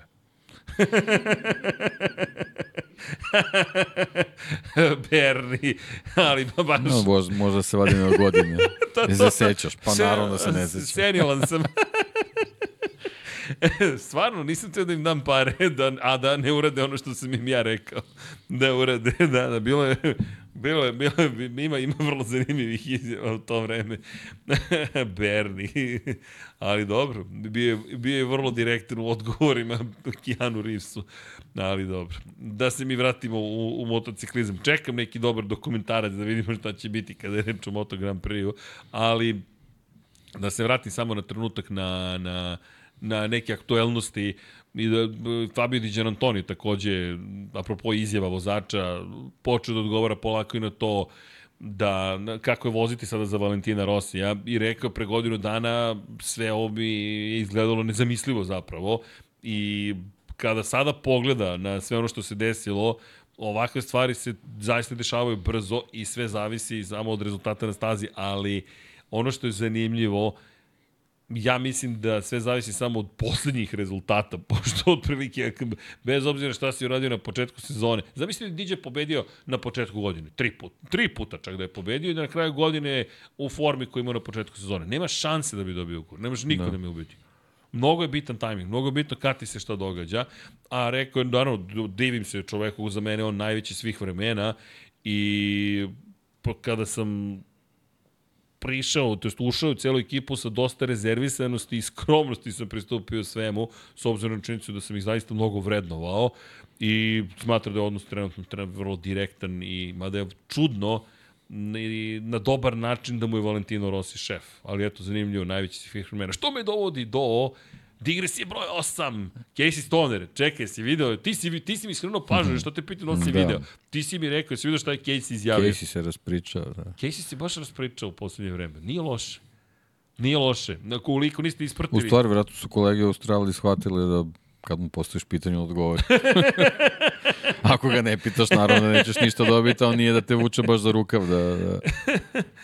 da. I onda su shvatili u stvari da je vrlo zah, ovaj, zahvalan sagovornik. Tako ispadne. Pa zapravo, da, čovjek je koji sada... Delovao je nepristupačno u stvari, izgleda da je, da je vrlo, vrlo pristupačan za neke stvari. Pa pazi, znaš i sam u novinarstvu, ukoliko uspeš na pravi način da komuniciraš sa sportistom, sagovornikom, kog god da je u pitanju, da ga žargonski rečeno otvoriš, možeš da dobiješ zaista mnogo lepih odgovora i mnogo lepih informacija. I moram priznati da sam imao baš čast i zadovoljstvo da, da svoje vremeno 2000 12. u Muđelu sam radio intervju sa, sa Rosijem, to, to, je, to je jedan od lepših intervjua, moram priznati da je to bilo baš onako zanimljivo, pošto je intervju bio u njegovoj kamp prikolici, ne u njegovoj timskoj kamp prikolici, to redko se tu održavaju intervjui, obično idete u domaćinstvo, pa sedete, pa se, je sve sponzorisano sa svih strana i kada pogledaš to je, da, 2012. znam da smo Jelena i ja radi, bili zajedno na stazi, zajedno smo radili taj intervju, bilo teško doći do Casey uopšte, međutim, pustili su nas onako, an, ne an mas, nego nas dvoje su pustili kao deo ekipe s ovih prostora i na, znam da smo radili intervju skoro pola sata, da smo na smenu da postavljali pitanja, ali to mi je jedan od omiljenih intervjua i Casey koji tačno se osetilo kada je rešio da progovori. Inače, i, i sada kada slušam njegove intervjue, mogu da razumem kako, kako je procenjivao medije. To je bio utisak, ali sad ne radi. Mogu da kažem da je to i, i potvrda dobijena, gde je rekao da je planski sa nekim novinarima imao dobar odnos zato što je, zna, zato što je znao da neće pisati više loše o njemu.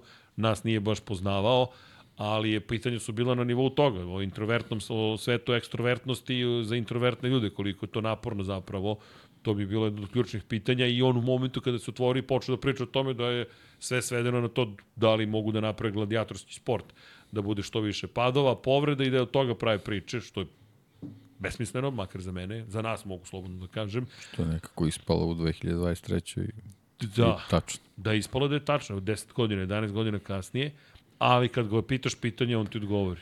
I zanimljivo, njegov spisak četvorice najboljih vozača Baš, baš me zanimalo da vidim gde će, pogotovo taj odnos sa Valentinom Rosijem, pošto je rekao u jednom od intervjua prošle godine da mu je smetalo što smatra da je Rossi postupio na, na, na nesportski način u nekim situacijama i to ne, ne može da poštuje to. Rekao, među vremenu mi smo se pomirili, pomirili, to je imamo pri, pristojen odnos, ali nije poštovao to što je učinio. To ne znači ne celog čoveka, nego samo te poteze koje je povukao i rekao da je što se njega tiče najveći svih vremena zapravo Giacomo Agostini, koji inače osvojio 15 titula i 122 pobjede zvanično zabeležio, a Mick Duan mu je odmah tu uz Giacomo Agostinija, sad, da li je zato što je australijanac, njegov argument je, rekao je prosto, mnogi ne smatraju, to jest ne svrstavaju tu grupu Duana, pošto nije osvojio toliko titula kao neki drugi vozači, ali niko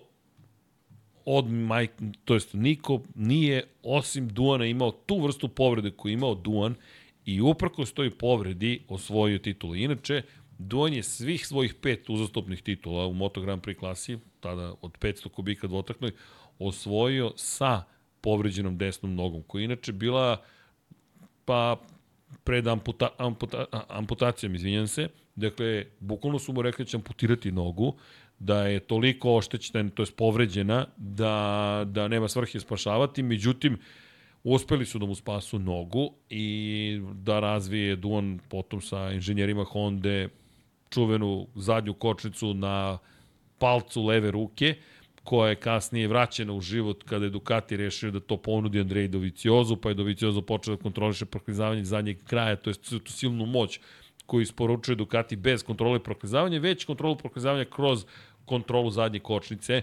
Duan je to koristio tokom nastavka cele svoje karijere i sve titule osvojio zapravo tako što je palcem leve ruke kočio zadnji točak.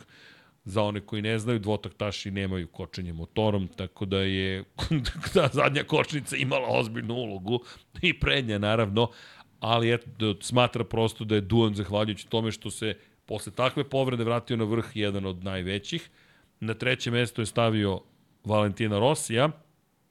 Rekao je prosto da da je za njega, samo je rekao Miki i Giacomo su na vrhu, zatim Agostini, to je probably Valentino, vrlo verovatno Valentino i Mark.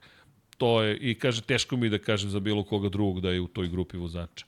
Nekako čak ni ne mislim da je nužno pravio selekciju 1, 2, 3, 4, koliko što je na vrh stavio Agustinija i Duana, a ispod njih Rosija i Markeza. Ono što je zanimljivo meni, dve stvari, jedna je da evo Marquez pokušao posle jedne takođe vrlo ozbiljne povrede da se vrati na vrh, što sad pravim paralelu sa Duanom, i druga stvar jeste što je posle spomenuo Danija Pedrosu, rekao da je to čovek koji je zapravo zanimljivo underachieving, kao da nije postigao dovoljno. Ja bih rekao samo u kontekstu rezultata konačnih, nema titulu u Moto Grand Prix, ali rekao je, ljudi, on je pre, ja sam premali za Moto Grand Prix sa 59 kg težine, Dan je imao 55, 56 i niko ni dan danas ne zna kako on uopšte vozio Moto Grand Prix motocikl. A preko 30 pobjede zabeleži na Moto Grand Prix motociklu. Ne, meni se generalno tim Caseyovim izjavama sviđa zato što nije onako isključiv u, u, u kategorisanju vozača, nego jednostavno daje onako prilično razložno objašnjenja, a generalno čovek naravno koji je tako, tako iskustvo i takve uspehe postizao u, u Moto Grand Prix je apsolutno ovaj, merodavan i apsolutno ima pravo da, da iznese svoje mišljenje na taj način, kažem, mislim, vrlo onako rezonska objašnjenja koja, koja dovode do toga da, da generalno ono, svako ko, ko prati Moto Grand Prix onako samo malo razmisliš, razložiš neke stvari i generalno se složiš sa njegovim mišljenjem koje je samo njegovo, mislim, apsolutno, ovaj, naravno može da se, da se polemiše oko toga, ali on apsolutno ima pravo da, da iznese svoje mišljenje i da napravi kategorizaciju po nekim svojim kriterijumima. Čovek koji ima znanje i, i autoritet ozbiljan i lepo kažeš, način na koji on to obrazloži da. je meni fenomenalan. Volim prosto da čitam njegove izjave, ali čekaj samo da proverim, Andri Petrović mi se upravo javlja, Uh,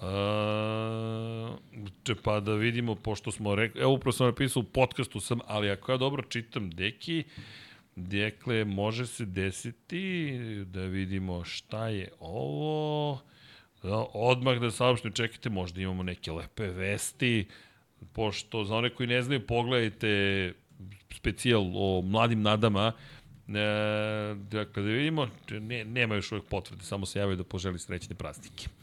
Dobro, čekamo, hvala Andrej, hvala za, za lepe želje. Ponadao sam se, pošto sam mu rekao, čim potpišeš nešto, nešto se desi, javi se i vidim typing i razmišljam, neka poruka, nema poruke. Dobro, dobro. Ali evo, mantramo, Andrej, šaljemo pozitivne poruke, pozitivne emocije, kažem, ukoliko niste pogledali, pogledajte Andrej Petrović, mnogo mi se dopalo kako rezonuje, kako priča, jedino što se ti lepo rekao, da i on, navikao se da imam 3 minuta na televiziji i onda sve su 3 minuta saopšte, čekao da imaš 3 sata, nemaš 3 minuta. Ali dobro, nema još baš 3 sata, ima još da se vozi karijera, ali eto, držimo u palčeve, nadamo se. I toplo preporučujemo svima koji žele da angažuju jednu malu vozača da se pozabave njime.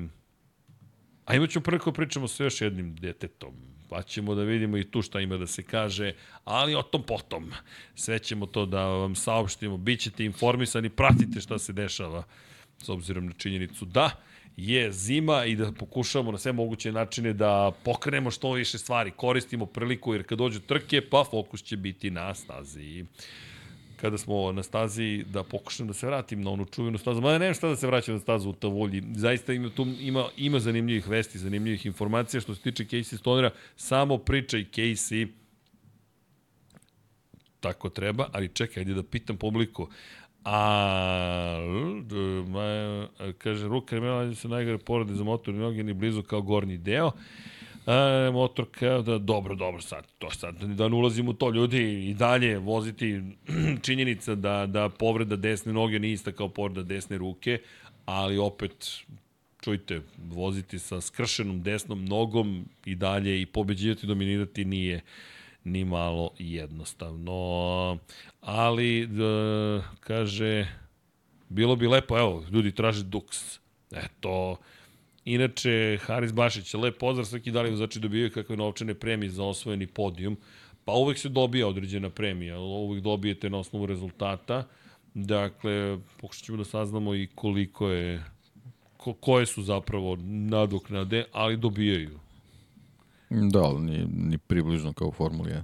To je, mislim, to je jedna od, od stvari uh, može da bude dobra ili loša vezano za Moto Grand Prix i dalje je obrt novac u Moto Grand Prix mnogo manji nego, nego u Formuli 1 i onda samim tim možda i ove neke promotivne i marketinške aktivnosti nisu na tom nivou zato što možda i neke velike kompanije koje su tu i neke manje koje obitavaju ovaj, generalno možda nemaju kapacitete da, da na taj način rade kompletnu promociju što ono nekako nama koji na, na tradicionalni način gledamo na Moto Grand Prix i ne smeta i možda ne bismo ni volili da se nešto promeni, ali mislim da je to neminovno, mislim da, da je da je Moto Grand Prix upravo na putu da, da, da se i taj aspekt promeni i da, da sa uplivom mnogo veće količine novca i, i tu se neke stvari promene, da neki drugi dođu da, da diktiraju neka pravila. Ono samo što, eto, što, što je sreća i što se, nadam se, neće promeniti realno,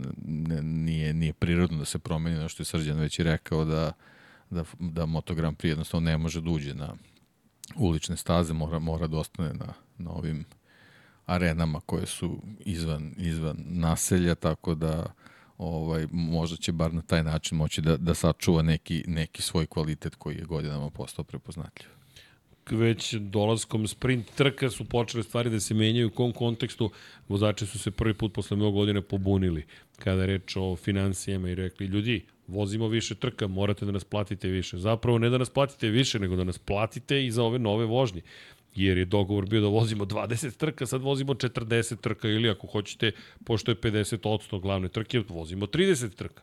Ne možete da tražite da vozimo 30 trka da nas platite isto, da nas platite isto kao i 20. Tu se već pomeraju stvari i ono što je Rozomondo učinio da je liberalizovao zapravo mogućnost onih koji rade na webu da rade uh, da ne moraju da plaćaju po 9000 eura da bi dobili akreditacije godišnje, to već oslobađa i medije da mogu da budu, imaju lakši pristup Moto Grand Prix. I mislim da ćemo vidjeti mnogo drugačiji pristup prema medijima, što bi opet trebalo da poveća gledanost, što kada se poveća gledanost dovodi nove sponzore, što poveća pare, ovo što si rekao, to sad onda ide ceo krug. Kada ima više para, obično svi žele više para, to je negde logika stvari, i uz potencijalnu prodaju Dorne, ukoliko zaista ode u ruke Liberty Medije, koja verujem da će investirati, jer Liberty šta je uradila? Liberty sada ubira plodove čega? Investicije. Liberty nije preuzela Formulu 1 rekla, e super, mi smo kupili sad ovo i to je to. Ne, Liberty je došla i Formula 1 management sa četiri zaposlena podigla na 150 i nešto zaposlenih. I sećate da sam, da sam ja prvi pitao, čekaj, sada povećavaš na 150 zaposlenih, je to znak da ćeš biti, da ćeš zaista proširiti poslovanje ili manjak organizacijonih sposobnosti i efikasnosti? Ispostavilo se da sam pocenio zapravo, a nije trebalo, pošto je to zapravo način na koji moram da pohvalim kada je reč o američkim investicijama, e, taj deo priče, koji je manje pohvalan, pa isto tako kako uđu, kada izađu, izađu. Ali ulazak je bio sa novcem i rekli su, op, evo ga novac, zašto? Investiramo da bismo postigli to, to, to, to, to, to, to i to. I inače, zanimljivo i NFL kako je, na primjer, povećao gledanost, to je jedan od, jedna od kampanja, a to je ispod kapice, da ne kažem, ispod kacige, šta su uradili?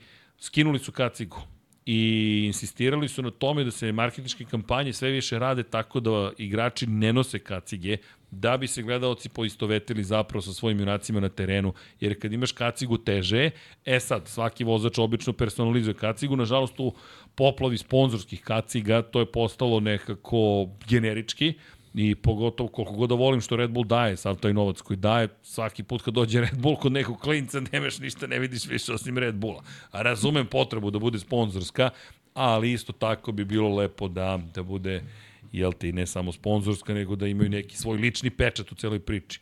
Uh, Srki advokat novinara. Šta sam advokat novinara? Ne znam, ali ću biti advokat ne, novinara, nemojte da brinete. S obzirom na, na činjenicu da, da ako se izgubi sloboda govora, to je novinari ako nemaju pravo da pitaju ili pričaju, pa onda smo, onda znate kako dobijete neke stvari koje je lako prepoznati. Dakle, to, i to, i to, i ne da sam advokat novinar, nego sam za, za sve medije, apsolutno, zato što svi hoće istinu, svi hoće kritičko razmišljanje, svi hoće bolje društvo, ali ako bismo mogli da učutkamo novinare kada postave neprijatna pitanja. To tako ne funkcioniše. I moram priznati da to volim u Formuli 1 više nego u Moto Grand Prix. U Formuli 1 vas opauče pitanjem, pa ti sad probaj da ne odgovoriš kada te dovedu tamo. Moto Grand Prix još nije stekao tu kulturu, Rozomondo nadam se da će to da izmeni, jer koliko god da neka pitanja ne prije vozačima. Izvini, odgovori na pitanje. Možeš i da kažeš, ej vidi, ne dopada mi se tvoje pitanje, neću da ti odgovorim, ali nemoj ti da učutkaš novinara jer to učutkivanje nas dovede do toga da na kraju nemate novinare, nego samo propagandiste koji će da kažu šta god im neko naredi da se kaže. Tako da, mediji su važna stvar i iz te perspektive bitka postoji. Uh, inače, Da, nema red. Pa nema trenutno sponzora, da, inače ako, ako spomenite Filipa Jenića, imate pozdrav, sve, imaš pozdrav deki od Filipa Jenića, Pozdrav se Fići. puno pozdravio, zahvalio se što, što ga spominjemo s vremena na vreme. Ne spominjemo ga previše ne zato što nećemo, nego zato što prosto smatramo da nemamo šta novo da kažemo. Nadamo se da će nekako uspeti da oživi svoju karijeru, propustio celu godinu, ali držimo, držimo palčeve, bukvalno. E, inače, Branislav kaže, sva pitanja u Formuli 1 su ista. Nisu, nisu, samo se ne prikazuju sva pitanja. Verujte, kada poslušate koja su pitanja, ima tamo vrlo ozbiljnih pitanja, samo što te medije ne možete da nađete tako lako s obzirom na činjenicu da morate da platite za njih ili su na nekim drugim tržištima, ali pustite samo Dekija, Paju i mene da postavimo pitanje, nećemo ih štediti. Inače, Dušan Glavnić pita za Martinovu izjavu, pa već smo rekli za tu izjavu da, da, da ako pobedi Markeza smatra da je jedan od najboljih. Pa ne može baš da se smatra najboljim u istoriji, ali Deki je objasnio to Martin mora da stavi kao jednu od meta Marka Markeza, to je priroda stvari. Samo što je i objasnio, nije pitanje ko je tu kome meta. Ko je lovac, ko lovina. To je ono što je pitanje. E, pozovite Filipa u podcast. Pa kad bude bilo nekih noviteta, vrlo rado, s obzirom na činjenicu da izašao komentar koji me šokirao upravo, s obzirom na činjenicu da, eto, kažem, nije samo pojenta pozvati ga, nego, jer uzmite obzir i sledeću stvar, dovedemo dečka da nam kaže zašto ima jednu od najtežih sezona u svojoj karijeri. Nema ništa novo da nam saopšti. Što bismo bili surovi. Pružamo podršku Filipu i nadamo se da će, do, da će, da će dobiti zapravo neku, nekog sponzora koji može da mu oživi karijeru, to je sad samo pitanje para, nije njegove brzine. Inače, Mićko kaže, ceo dan slušam Lab 76 F1, sad upalim da slušam ovo, više vremena slušam Srke kako priča nego sobstvene roditelje. Nemojte to da im kažete.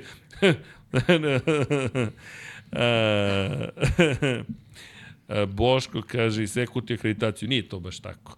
Da, imaju, imate mnogo situacija u kojima, u kojima se vrši pritisak, ali to da vam tek tako dođe neko i seče akreditaciju, izbaci spadoka, to, to ne funkcioniše baš tako.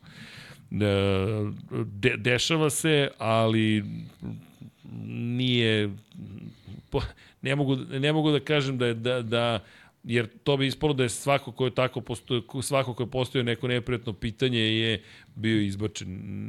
Nije, nije, nije baš tako. Ali dobro, to je sada jedna ozbiljna tema, što kažu. E, inače vidim spominje se i Mauro Grasili. Mauro Grasili je inače čovek koji će zameniti Paolo. Da, da, nismo, ovaj, nismo ime ovaj, da. spomenuli, tako je. Da, moramo, da. moramo što češće da ga spomenemo. Da, Mauro Grasili, to je novo ime, nekako sam samo porekli mlad čovek. Da, pa dobro, nije, nije ni toliko mlad, ali, ali generalno... Ovaj, ali čovek.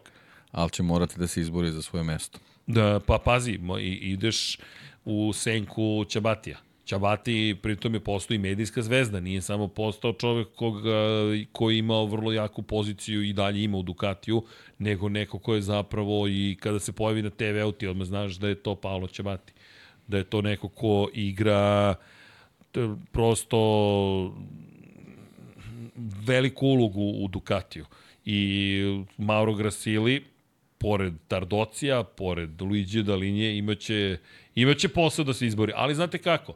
Kako se kalio čelik? Ako kroz ovo se izbori Grasili za svoju poziciju, ko zna šta čeka Grasili u budućnosti. Mada nema mnogo dalje od ovoga. Ja ne vidim ko može da zameni Dalinje. Dalinje je anomalija da ti imaš čoveka koji može da organizuje i tim na nivou strukture organizacije ljudske i da istovremeno na tehničkom nivou bude toliko na, ispred vremena. Pa da, ali ovo prvo je radio sa Ćebatijem. Jeste. U tandemu. A ovo, za ovo drugo je u stvari sam nekako odgovoran i, i zbog toga dobijamo te ljude koji odlaze iz njegove senke da bi, da bi sami ovaj, nešto napravili. Tako da ovaj, ja da liniju više gledam kao nekog Adriana Njuje ne, ne kao čoveka koji u tom nekom organizacijnom smislu sve sam odlučuje. Više ga gledam kroz, kroz te tehničke inovacije kojima rukovodi. Kada je reč o... Hm, da vidi, zanimljivo mi je sad kad, kad tako spominješ Jeste, ovo je bio triumvirat koji je ovo sve stvorio. Razmišljamo o organizaciji u Formuli 1. Ti kada, juče smo pričali o tome. U Red Bullu imaš Kristijana Hornera, imaš Adriana Njuja, imaš Helmuta Marka. Jeste struktura tamo kompleksnija, ali ovo što je Ducati stvorio na nivou Formule 1, oni pokrivaju četiri ekipe, osam motocikala proizvode. Nemoj tako da gledaš. Da ne gledam ja tako. to gledam samo dva. Dva plus dva. Ona četiri stara. Aha, to, to ok, dve ekipe, jasno, Ducati. jasno, jasno, jasno. Ono si prodao, to je iznajmio. To je, to je nešto Renta. što je završena priča.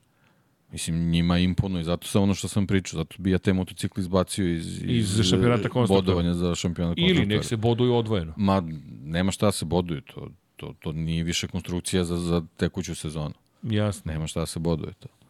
Ali dobro, ok, to je sad, sad neka, neka druga priča, ali generalno u njihovoj organizaciji, znači njima, njima je fabrička ekipa najvažnija, uh, pramak je tu da, pramak je Alfa Tauri. I to je to. Mislim, kad bi u Formula 1 postojala mogućnost da, da identični bolidi mogu da se voze, to bi bio Alfa Tauri. Tako da, mislim, to je nešto verovatno se malo uči i odatle, ali generalno jako je kompleksno i ne, ne može uh, Moto Grand Prix da se gleda, gleda preslikano kao Formula 1, nego ja čisto uh, na taj način kao dve neke najuspešnije ekipe, pa kao, eto, čisto da, da postavimo uh, ko bi šta tu bio.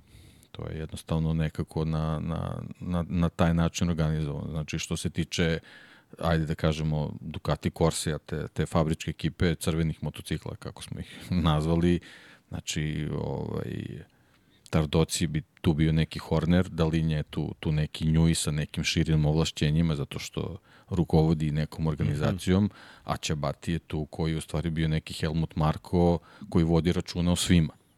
Dobro, znači, Čabati... Čabati je, Čabati je bio čovek koji je koji je e, bio zadužen da u stvari postavi organizaciju tako da taj Ducati napreduje. Njegova, njegova je uloga u tome, znači ne, ne vezano samo za motocikl, nego generalno za, za čitavu organizaciju koja je dovela do toga ovo što se dešavalo u, u prethodne dve sezone. Da li je bilo uspešno, da li je to suviše dugo trajalo, to je sad već stvar za neku analizu Ducatiju i, i da se kroz to gleda da li je, da li je njegov mandat bio uspešan. Da li je Ducati trebalo ranije da dođe do toga, ali ovaj, generalno po tom nekom organizacijom principu, što kažeš, taj triumvirat je nešto što, na što bi trebalo neki drugi da se, da se oslone i da pokušaju da, da na taj način dođu do, do osoba koji će na taj način moći da organizuju čitavu priču. Ali generalno druge, druge fabrike nemaju takav problem da moraju da, da uh, proizvode uh, i da vode računa, jer ti kad pogledaš Ducati, bez obzira što, što ovo što sam rekao, da imaš četiri stara, četiri nova motocikla, oni imaju inženjere i u, i u, i u da kažemo, tim ekipama koje koje voze te prateće motocikle, znači motocikle koji su, koji su ovaj, outlet. Jednostavno ovaj, imaš, imaš osobe koje, koje moraju da, da vode računa o njima. Uspeh Ducati u tome što su ti stari motocikli toliko uspešni, to je sad to je sad stvar ovaj, njihove konkurencije, zašto to na taj način ne mogu da isprate, ali generalno ovaj, oni imaju, imaju organi, organizacijonu strukturu tako koja bukvalno može da vodi računa o svih osam motocikala. Iako apsolutno nema potrebe da to rade. Da, ali vidi, zanimljivo je u ovoj priči ono što smo rekli na početku, Ćabati, sve izjave oko Ćabatija, inače Ćabati je vrlo strog bih rekao, ali na jedan sada već arhaični, gotovo staromodni način. Pošten, ali strog. Znaju se pravila igre. Međutim, svi vozači koji su pričali o Ćabatiju govore o tome da je vrlo human zapravo čovek i da je neko ko e, ima vrlo razvijenu saosećajnost. Empatija je na visokom nivou i da je jedan od njegovih najvećih zapravo kvaliteta upravo sposobnost da reši konflikte na miran način, kroz razgovor, kroz pa i ubeđivanje. Dakle, čovek koji inače sa Jorgeom Lorencom ima vrlo blizak odnos, I zanimljivo je da u momentu kada će, kao što si rekao, kao što stalno ponavljam, imati najveći izazov na ljudskoj strani, jer nije, nije pitanje Markeza dolaska, Markeza dolaska pitanje tehničko-tehnološkog, nije ni problema e, odnosa, već ljudskih odnosa, pogotovo ta priča, jer pazi, ti sada imaš VR46 ekipu na istom motociklu na kojem je i porodica Markeza direktni sukob ne možeš da, da, da, da, da, da dobiješ. Ne možeš da dobiješ direktni sukob. A to su sve stari korisnici, korisnici starih motocikala. Tvoje dve glavne ekipe nemaju veze sa tim sukobom suštinski, mada do nekli imaju preko Francesca Banjaja. Publika to ne gleda tako. Tako je, ne gleda, ali hoću ti kažem, Čabati odlazi u momentu kada ti je najpotrebniji zapravo. I, i to ono što si pa rekao... Pa ne, da li je već pokazao da on želi time, ne želi da se bavi tim stvarima. Ali to može da bude ozbiljan problem. Tu, tu prvi problem je nastao, velik, prvi veliki problem sa Andrejom Doviciozom. Koji nisu rešivi koji čak ni Čabati na kraju nije rešio, gde on nosi na, natpis nezaposleni, unemployed, mu stoji na, na, na, na, na kombinezonu i to je prvi zapravo i ispad bio koji su, koji su imali. Da nisu osvojili, zapravo, Banja je spasilac karijera ve, velikog broja tih šefova u Ducatiju, jer da nisu osvojili titule sa, sa da Banja nije osvojio titulu, pa i dve, pitanje šta bi s Dalinjom na kraju bilo. Da li bi neko na kraju rekao, čekaj, ti si ovde od 2014. Da, ne, ne podržavamo više tvoj program. Tako je, 10 godina si ovde, titule nema, kako mi, mi zašto bismo stali dalje za tebe? Zato što imaš inovativna rešenja to, to bi zvučalo, kao što smo juče pričali, Nemci i Italijani. Nemci, brojevi, prošla, rezultati, prošla Italijani. sezona je bila, da kažem, opuštena. Neki Ducati je bio za titulu. Jeste. 22. Of. uopšte nije bila opuštena. Baš je bila dramatična. I to se i videlo na kraju, koliko olakšanje je preovladalo u celoj ekipi kada je Banjajo svoju titulu. Jer vidi, ti si tu 9 godina u tom momentu. Dakle, ti si već 9 godina za čelom određenog tima. Dobio si svu moguću podršku. Doveo si Lorenca, otišao ti je Lorenzo. E, doveo si u celu ekipu novi tehnički tim. Doveo si svoje ljude da upravljaju s tobom i organizuju. Uveo si nove tehničke inovacije koje koštaju. Sve si uradio što si želeo, gde su rezultati. Sada imaš dve titule za redom, dve titule za redom u Superbajku, dve dvostruke krune, sve ti ide kako treba. Dolazi ti međutim Marquez, što će biti najveći ljudski izazov i tebi će Bati odlazi. Pre čemu će Bati, to smo pričali kada je, potpi, kada je saopšteno, će Bati će odgovarati direktno Claudio Domenikaliju. On više ne odgovara Dalinji. Dalinja i on su pa, ne, u poslovnoj strukturi sada rame uz rame, ali Ajmo, ajmo deki da budemo realni. Mislim da će Bati nije, nije odgovarao da, da linije ni, ni u ovoj strukturi u pa, Moto Grand Prix. I čak i da jeste, imao je veliku moć. Čabati imao mnogo veću moć nego što će imati bilo ko I on je izgradio ime, izgradio reputaciju je. koja je Ducati u nekim razgovorima sa Markezom, mislim da je potrebna. Ovako ostaju bez toga. Vidi, kada govorimo... Ovako će da linija morati sve da hendla. A kao što si rekao, e sad, to će biti zapravo veliki izazov, da, da vidimo šta će Dalinja da radi u toj cijeloj situaciji, jer šta se desilo Ferrariju kada su odlučili da čoveka koji je zadužen za tehniku pretvore čoveka zaduženog za ljude. Dobro, došli su do ozbiljnih problema, jer ti kada pogledaš redkog, pa evo, Mauricio Riva, ne, ne, izvinjam se, ne, to još od, od, od Riva Rivabenea, ali evo pogleda na, na Apriliju, Rivola kada je stigao u Apriliju, on je zapravo omogućio tehničkom timu da se bavi motociklom. A on će da hendla vozača, on će se bavi ljudima, on će da se bavi strukturom i organizacijom. Ti sada gubiš, inače Grasili nije čovek koji ima mnogo iskustva na stazi. On je vrlo redko čovek bio na stazi. I nije posjećivo sve trke. On je čovjek koji je bio... Ma veći je problem što nema reputaciju. Pa, a to ti si, kao u školsko dvorište, ti si ušao i sad ti dolaziš kod vozača i vozač te pogleda, ali... I naš najgore, ako kroz glavu prolazi ko je ovaj. A to će ti proći. Pa evo, mi ga nismo spomenuli. Gotovo sigurno. Mi ćemo morati da ga spomenimo, zato što nam je to posao.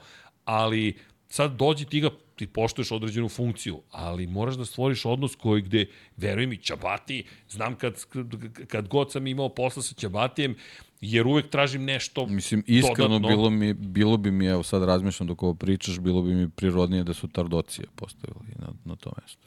Ali pitanje je da li Tardoci Da, da, da li uopšte želi da... da, to je sad pitanje. Šta on ta... čovjek želi da bude pored motocikla na stazi. Tako je. A ovo je više funkcija organizacijono da, politička. Da, organizacijono neki top management već, već na, na tom nivou. Ja, pritom Dukatijeva, pazi, i, i ovo je... Mislim, Čabati verovatno bio nekim sastancima na kojima Tardoci u životu ne želi da bude. Ne, ne, ni on, ni Dalinja ne žele time da se bave. Njihova ljubav je u motociklima. Zaista u motociklima. Ne znači da će Bati ne voli motociklizam. Ne motociklizam, motocikle. Ali će Bati dolazi iz druge okruženja. Pa ne, čim je čovjek postavljen čovjek. u 66. godini na, na mesto razvoja novog programa, jasno ti je da voli. da, naravno. Jasno ti je da voli, ali, ali generalno ovaj, sad, je, sad je veliko pitanje kako će kako će Ducati dobiti uz Dalinju još jednu osobu takve reputacije koja će moći da, da, da razgovara sa porodicom Markeza. Dobro, ali očigledno da im je važan motocross program. Očigledno da im je važan pa, taj cijel da, program da. van, van druma. To je sad stvar koja treba da se razvija ovde, više nema, nema šta da se razvija realno. Ovo sad već teče nekim, nekim svojim, svojim tokom do neke nove revolucije u Moto Grand Prix. Ovo su sad samo evolucije. I ti si trenutno u savršenoj poziciji da svoju evoluciju iskoristiš na najbolji način. Jer dok se tvoji rivali oporavljaju, ti haraš. Bukvalno. Dobro, ima mnogo zanimljivih priča. Pa kažem ti, mnogo ljudi mi se javlja. Ti Srki, šta će da bude ove godine? Nemam pojma ljudi šta će da bude. To je lepota cele priče. Znam da će sezona da počne 10. marta. Eto, to, to znam Moja u sezona Kataru. počinje prvim A testojem. već je počela. Ja, deki, sam ubeđen da je baš počela i da mi imamo jednu od najlepših sezone. Evo, 20. januara Gresi, vidi, e, znaš gde bih da budem 20. januara? Odmah da ti kažem.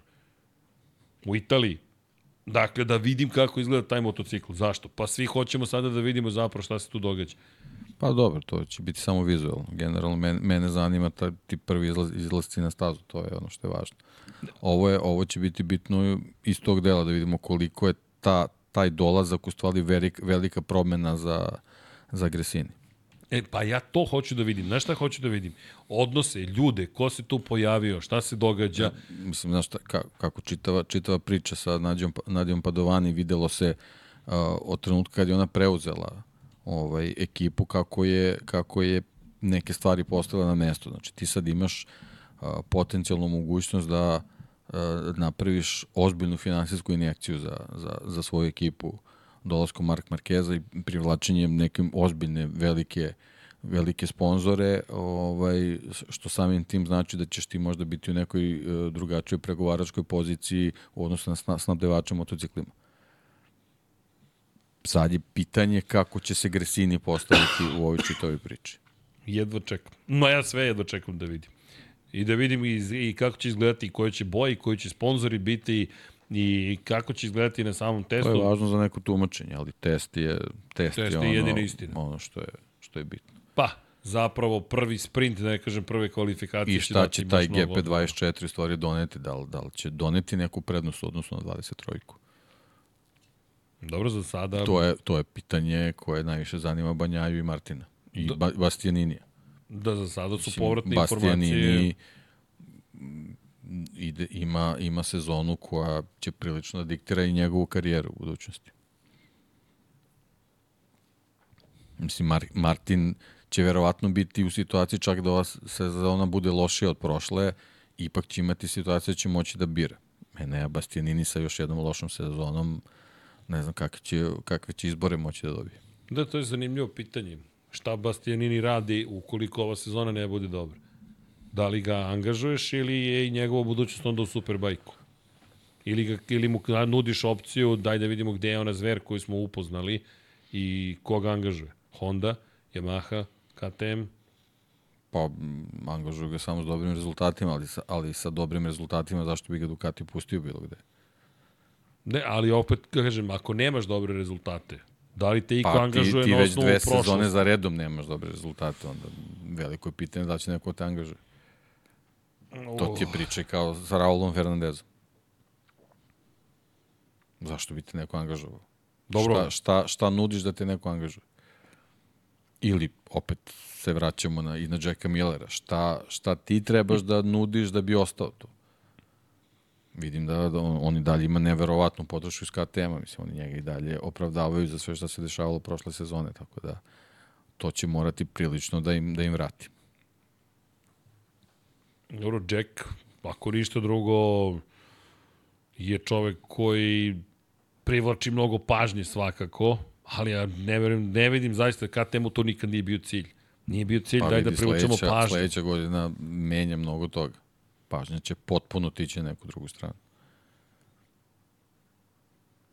O, sad si mi bacio žišku sa razmišljanjima, ne i Bastianiniju, moram da ti priznam, nisam razmišljao o tome. A šta ako ne uspe, ako je loša Znači, ti sledeće godine potencijalno zaista imaš četiri Ducati ekipe koje će da, da mogu da odvuče svu, odvuku svu medijsku pažnju. VR sa Pertaminom, Gresini s Markezovcima, ovaj, em, Pramak sa, sa Martinom koji nema više šta da izgubi, apsolutno nema šta da izgubi sledeće sezone i onda imaš uh, ovaj dvojac u, u, u fabričkoj ekipi koji samim tim što su, što, što su tu gde jesu, oni imaju svu medijsku pažnju. Znaš kako? I Za... sad je tu na ostalim, na ostalim proizvođačima se izbore. Gde, gde je Yamaha sledeće godine ako, ako, ako projekat ne bude uspešan?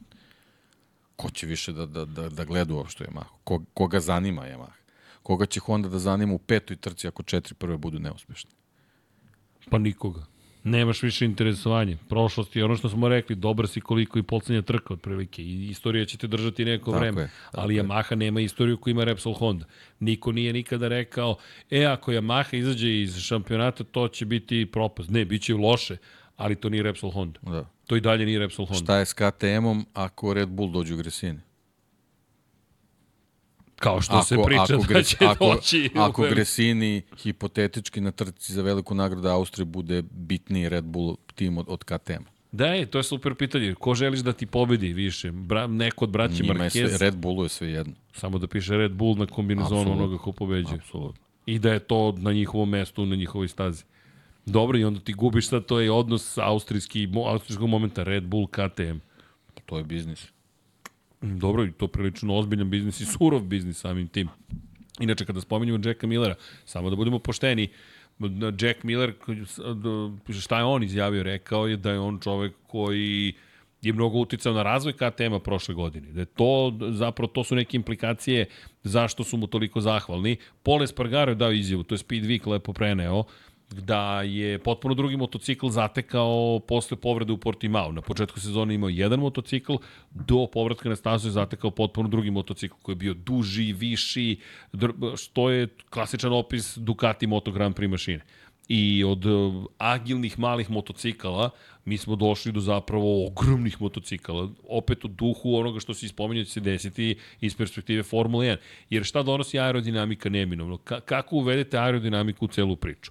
Dešavaju se dve stvari. Jedna stvar je želite što više kontrolisanih aerodinamičkih površina, što je odmah jel te, nekretnine na vašem motociklu, samim tim povećava se oplata, povećava se motocikl.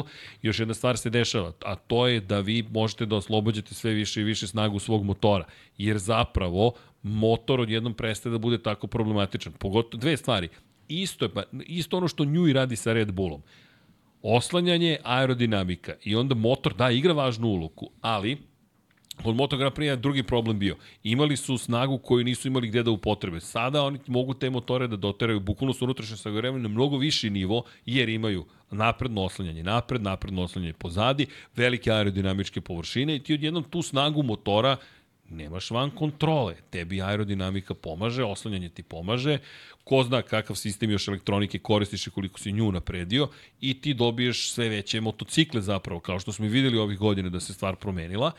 I možda je zaista to ono što je doneo Jack Miller KTM-u. Prosto, ajde da vidimo. Ali u jednom momentu cenim da će, možda je on njihov probni vozač, ne znam, možda je on njihov Joan Zarko. Pa realno Samo su spremni sa, da mu kažu hvala. sa Tech 3 ekipom koja je vozila nešto što je out of date, moguće da, je, da jeste, ali ja koliko se sećam, priča je bila da je Brad Binder taj koji odlučuje sa kojim elementima će se nastavi razvoj. Da, vidiš, to, Tako da to sam ako- zaboravio. Kontradiktorna je onda ta priča. Možda je on sugerisao ovaj, o, o, o, o implikaciji nekih, nekih elemenata, ali Brad Binder je bio taj koji je, koji je čija je bila poslednja, ali onda se ispostaje da su obojice u stvari više bavila razvojem nego, nego samim trkama. Ali ako dođeš na onda na taj nivo, Brad Binder je onda u toj svojoj roli bili, bio mnogo uspešniji. Ali ajde, oženio se, dobio dete, rešio si sve te stvari, sad si malo odmorio, resetovao si se. Ajde vidimo ovaj, kako će da krene sledeća sezona i ako krene ponovo na isti način, šta će onda da bude izgovor. Dobro, pitanje KTM, da li će se odlučiti zapravo opet da Kazgas stvarno bude na čelić sa čeličnim ramovima, a sa ugljeničnim vlaknima da bude fabrički tim. Što je isto malo kontraindikativno, da, kada, po, ne kontraindikativno, to je, daj da kažemo kontraintuitivno.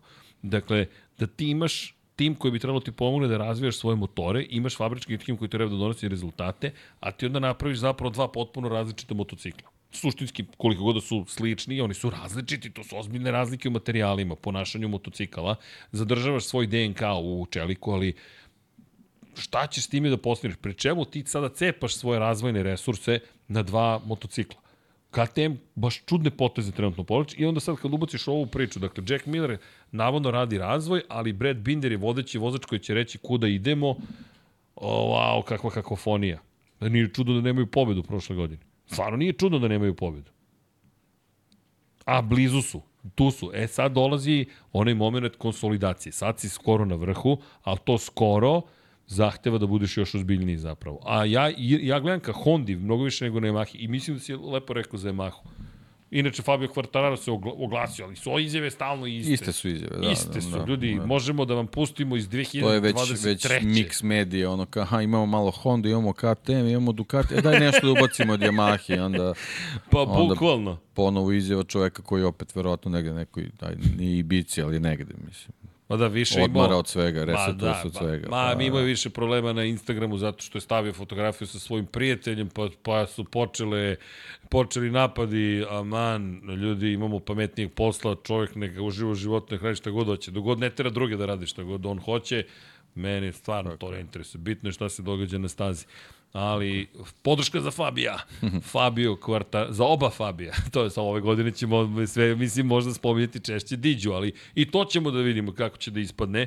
Ali, ali dobro. Da, Jack koji se inače pred kraj godine prošle oglasio po pitanju para, A tu je bio glasan da je rekao 44 trke platite, slažemo se Jack, ali ti di, po, počne malo da pobeđeš.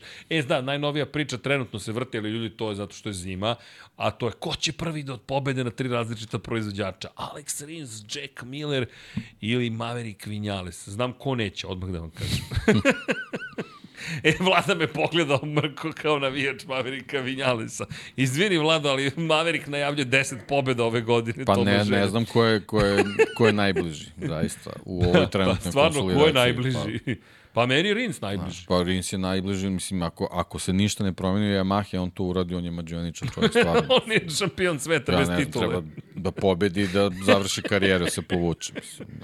Ne, šta više treba da uradi. Mislim, da. Ali eto, nadam se da će Maha bar, bar u nekom stepenu da, da, da, da popravi tu čitavu situaciju, ali ako ja Maha popravi situaciju, Rins će da pobedi. Tako da, kako god, kako god, da. E, zamisli da, da odemo u Teksas i za, da. za, za pobedu se bore Marquez na Ducatiju i Rins na Yamahi. Reci. Reci, kako bi to bila trka. Pri čemu sada jedan i drugi mogu da kažu da mi to je jedno od omiljenih staza. S punim pravom. Absolut. Pobedio na Suzuki Rins, pobedio na Honda Rins. Na Hondi pobeđivao i pobeđivao Mark Marquez i sad daj da vidimo na Ducatiju šta će da bude. Ma, problem je sa, sa problem sa Marquezom i Ducatijem je što, što ako se gleda taj test u Valenciji, on izgleda da stvarno više možda neće morati da rizikuje da bi bio brz. E, to je, to je izjavio. Deki, Deki, ljudi, ja vam kažem, Oracle, ako budemo ikad pravili, ja, zamisli Balkanski Matrix ti si, ti, ti, ti, ne znam ko će da glumi Nea, ali ti si proročanstvo. Davno su neki, u nekoj šali smo sedeli, ovaj, davno je to bio moj, moj drug Srećko zvani Felix. Ovaj, šta znači Neo? Nov. Od čega je to skrađenica? Nov. Ne. ne, nego? Neo je od neopran.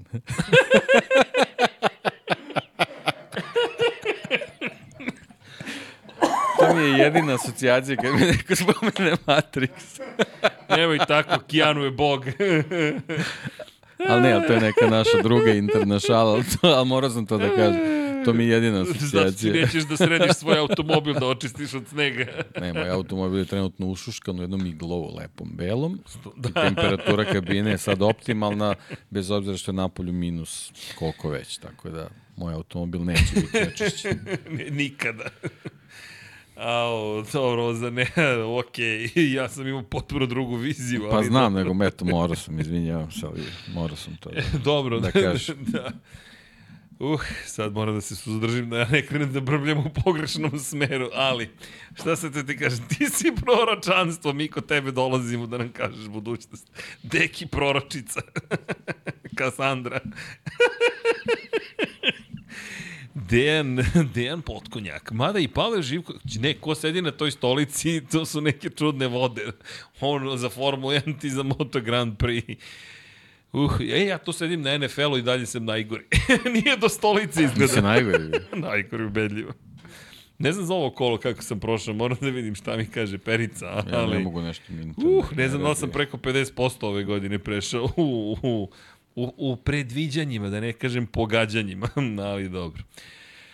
Da, inače, kaže Dušan Glavnić i Yamaha treba da ofarba motocikl skroz u crnu, laka farba, lakši motocikl kao Mercedes. Dušane, problem, dotakli ste se sjajne teme, ali Problem za Yamahu je što Yamaha, to što je Fabio isto izjavio posle poslednjeg testa, kaže, ja ne razumem, mi donosimo aluminij. Čak i Fabio počeo da se bavi materijal. Evo, znate gde je problem? Kada vaš vozač mora da se bavi motociklom na taj način, da on gleda šta su mu doneli i zakačili na motocikl. On je dečko rekao, ja ne razumem, mi pravimo aluminijumski delove u momentu kada svi prave delove od ugljeničnih vlakana. I sad, vratit ću se na... na, na... Dobro, ne znam šta mu je to čudno, mislim, konfiguracija motora je drugačija od, od, od konfiguracije koja je pokazala da je kvalitetnije ne, ne, ne, ne, ne, ne, na, o, na oplate... De, ne, ne, ali kažem, da, da, da. šta ga čudi. kad, kad, os, kad, osnovne, kad osnovni deo ne funkcioniše kako treba. Zašto se to iznenađuje, Fabio? Zato što je logično da imate ugljenična vlakna. Napravit ćemo aluminijum. Deki, ugljen, karbon radi. Važi Srki, pravimo čelik. ok, to je logika. Ali on je stvarno rekao, ja sam frapiran, da mi zapravo imamo teži motocikl nego što je bio. I zaista je se nevjerovatno. U momentu kada Aprilia pravi ceo ram od ugljeničnih vlakana, Yamaha dolazi lagano sa aluminijumom. E, vidi, Fabio, imamo aluminijum. Ali mene više još zabrinjava činjenica da on čovjek svetski šampion i kadašnji počeo da gleda šta mu stavljaju na motor i da je fuzonu. Čekaj, nemojte ljudi, to je težak metal. Znaš, to njegova glava nije više na stazi. Njegova glava nije, hu, baci high five, idemo sedam i cepam, vozim. Ne, njegova glava je šta ste mi sad stavili? To te i već jedna desetinka lagano po krugu. On čovek jednostavno, ja mislim da je u stanju očaja i da samo gleda svoj motocikl i pita se šta je sledeće. Neko tamo mora ozbiljno da se, po, da, da, da, da se ozbilji pod hitno, u suprotnom da. I sad evo neko komentariše, gledam 2020. i 21. koliko je Yamaha posrnulo. Deki, nešto je meni neverovatno. Yamaha je imala prednost, zahvaljujući Fabio Quartararu, od preko 60 poena u šampionatu sveta pre samo godinu i po i delovalo je kao da idu ka još jednoj tituli šampiona. Yamaha je sa Toprakom razgatli oglom. Osvojila titulu u Superbajku 2022. godine. Dakle, 2021. izvinjam se godine. Dakle, mi, ne znam gde su zalutali, ali su zalutali. Inače, pitate Branislav, ko osvaja Super Bowl? Daj sad odmah pare. Pa, ne. A? To je sad već... Nisam toliko pratio druge ekipe, ali ne znam, ono, meni su... Pa šta znam, Miami 49ersi su mi onako najinteresantniji. Ne znam. Onako, na prvu loptu. Miami i 49ersi? Da. U Miami mnogo povređenih. Pa znam, da. Mnogo, da, mnogo je da. povređenih. Da, da nisu Al, povređeni. Da. I sad da li će da prežive Kansas City, to će da bude isto da. zanimljivo. U Kansas City, oni su, oni su pokazali su da su klackalice ozbiljno. Da, ove godine napeto da. svima, da. baš je napeto. E, ne, e, da, lep komentar Nikole, kaže, možda su napravili novu leguru aluminiju, ne treba suditi aluminiju kao nečemu standardnom. Slažem se, ali isto tako su sami rekli da je motocikl teži nego što bi trebalo da bude. Tako da više, više tu počinjemo da se pitamo, ali ne, nemojte pogrešno shvatiti Nikola, ali zaista u momentu kada vi možete da proizvedete ugljenična vlakna mnogo jeftinije nego ikada ranije, to će samo da pada cena i, i prosto ne samo to, morate bar da pokušate da ovladate nekim novim materijalima, to se ništa nažalost ne dešava, ali dobro, što kaže i, i Branislav potpisao on ugovor, uzeo je svoj take the money and run, sad samo ima gde da beži posle 2024. Ako bude bežao, šta ako se sve zapravo pre, preokrene. E, e, pitanje, koliko vam smeta što ne idete na trke El Messi, jer Gaber e, Kržišnik i Miran Ališić predstavili su sa komentarisanjem nakon što ih više nisu slali na utrke. Pa znate šta, ja za ovih koliko, 20 godina većinu trka sam sam sebi sponzorisao, tako da ne, ne, ne, jednu sezonu smo imali da, da da zapravo je televizija to sponzorisala, sve ostalo sam sam radio. Da, samo da... stigne akreditacija na osnovu Jeste. angažmana. Pa da, s tim što sam imao akreditacije i pre nego što sam počeo da radim na TV-u, tako da u suštini koliko smeta, pa znate šta, nemam, to je sad malo... Ma, pa smeta naravno, naravno da je bolje da se na licu mesta. Ne, ne može, kako mi smeta. Znate šta mi smeta? Što, što ne mogu vama da prenesem informaciju na pravi način. Moje znanje pada kada nisam na trkama. Nije to pitanje, ja, i ne samo ja, Deki, Paja, bilo ko, kada odemo na sportska borilišta, mi ne vidimo gradove lokalne. Neko mi je rekao, ja, super, bio si u Barceloni. Barcelonu mi ne vidimo, ljudi. I, I ne smeta mi. Nisam došao zbog Barcelone, došao sam zbog staze. I, i da mi kažete idi u Barcelonu, ja ću kažem, sorry, ja odah da, da analiziram stazu.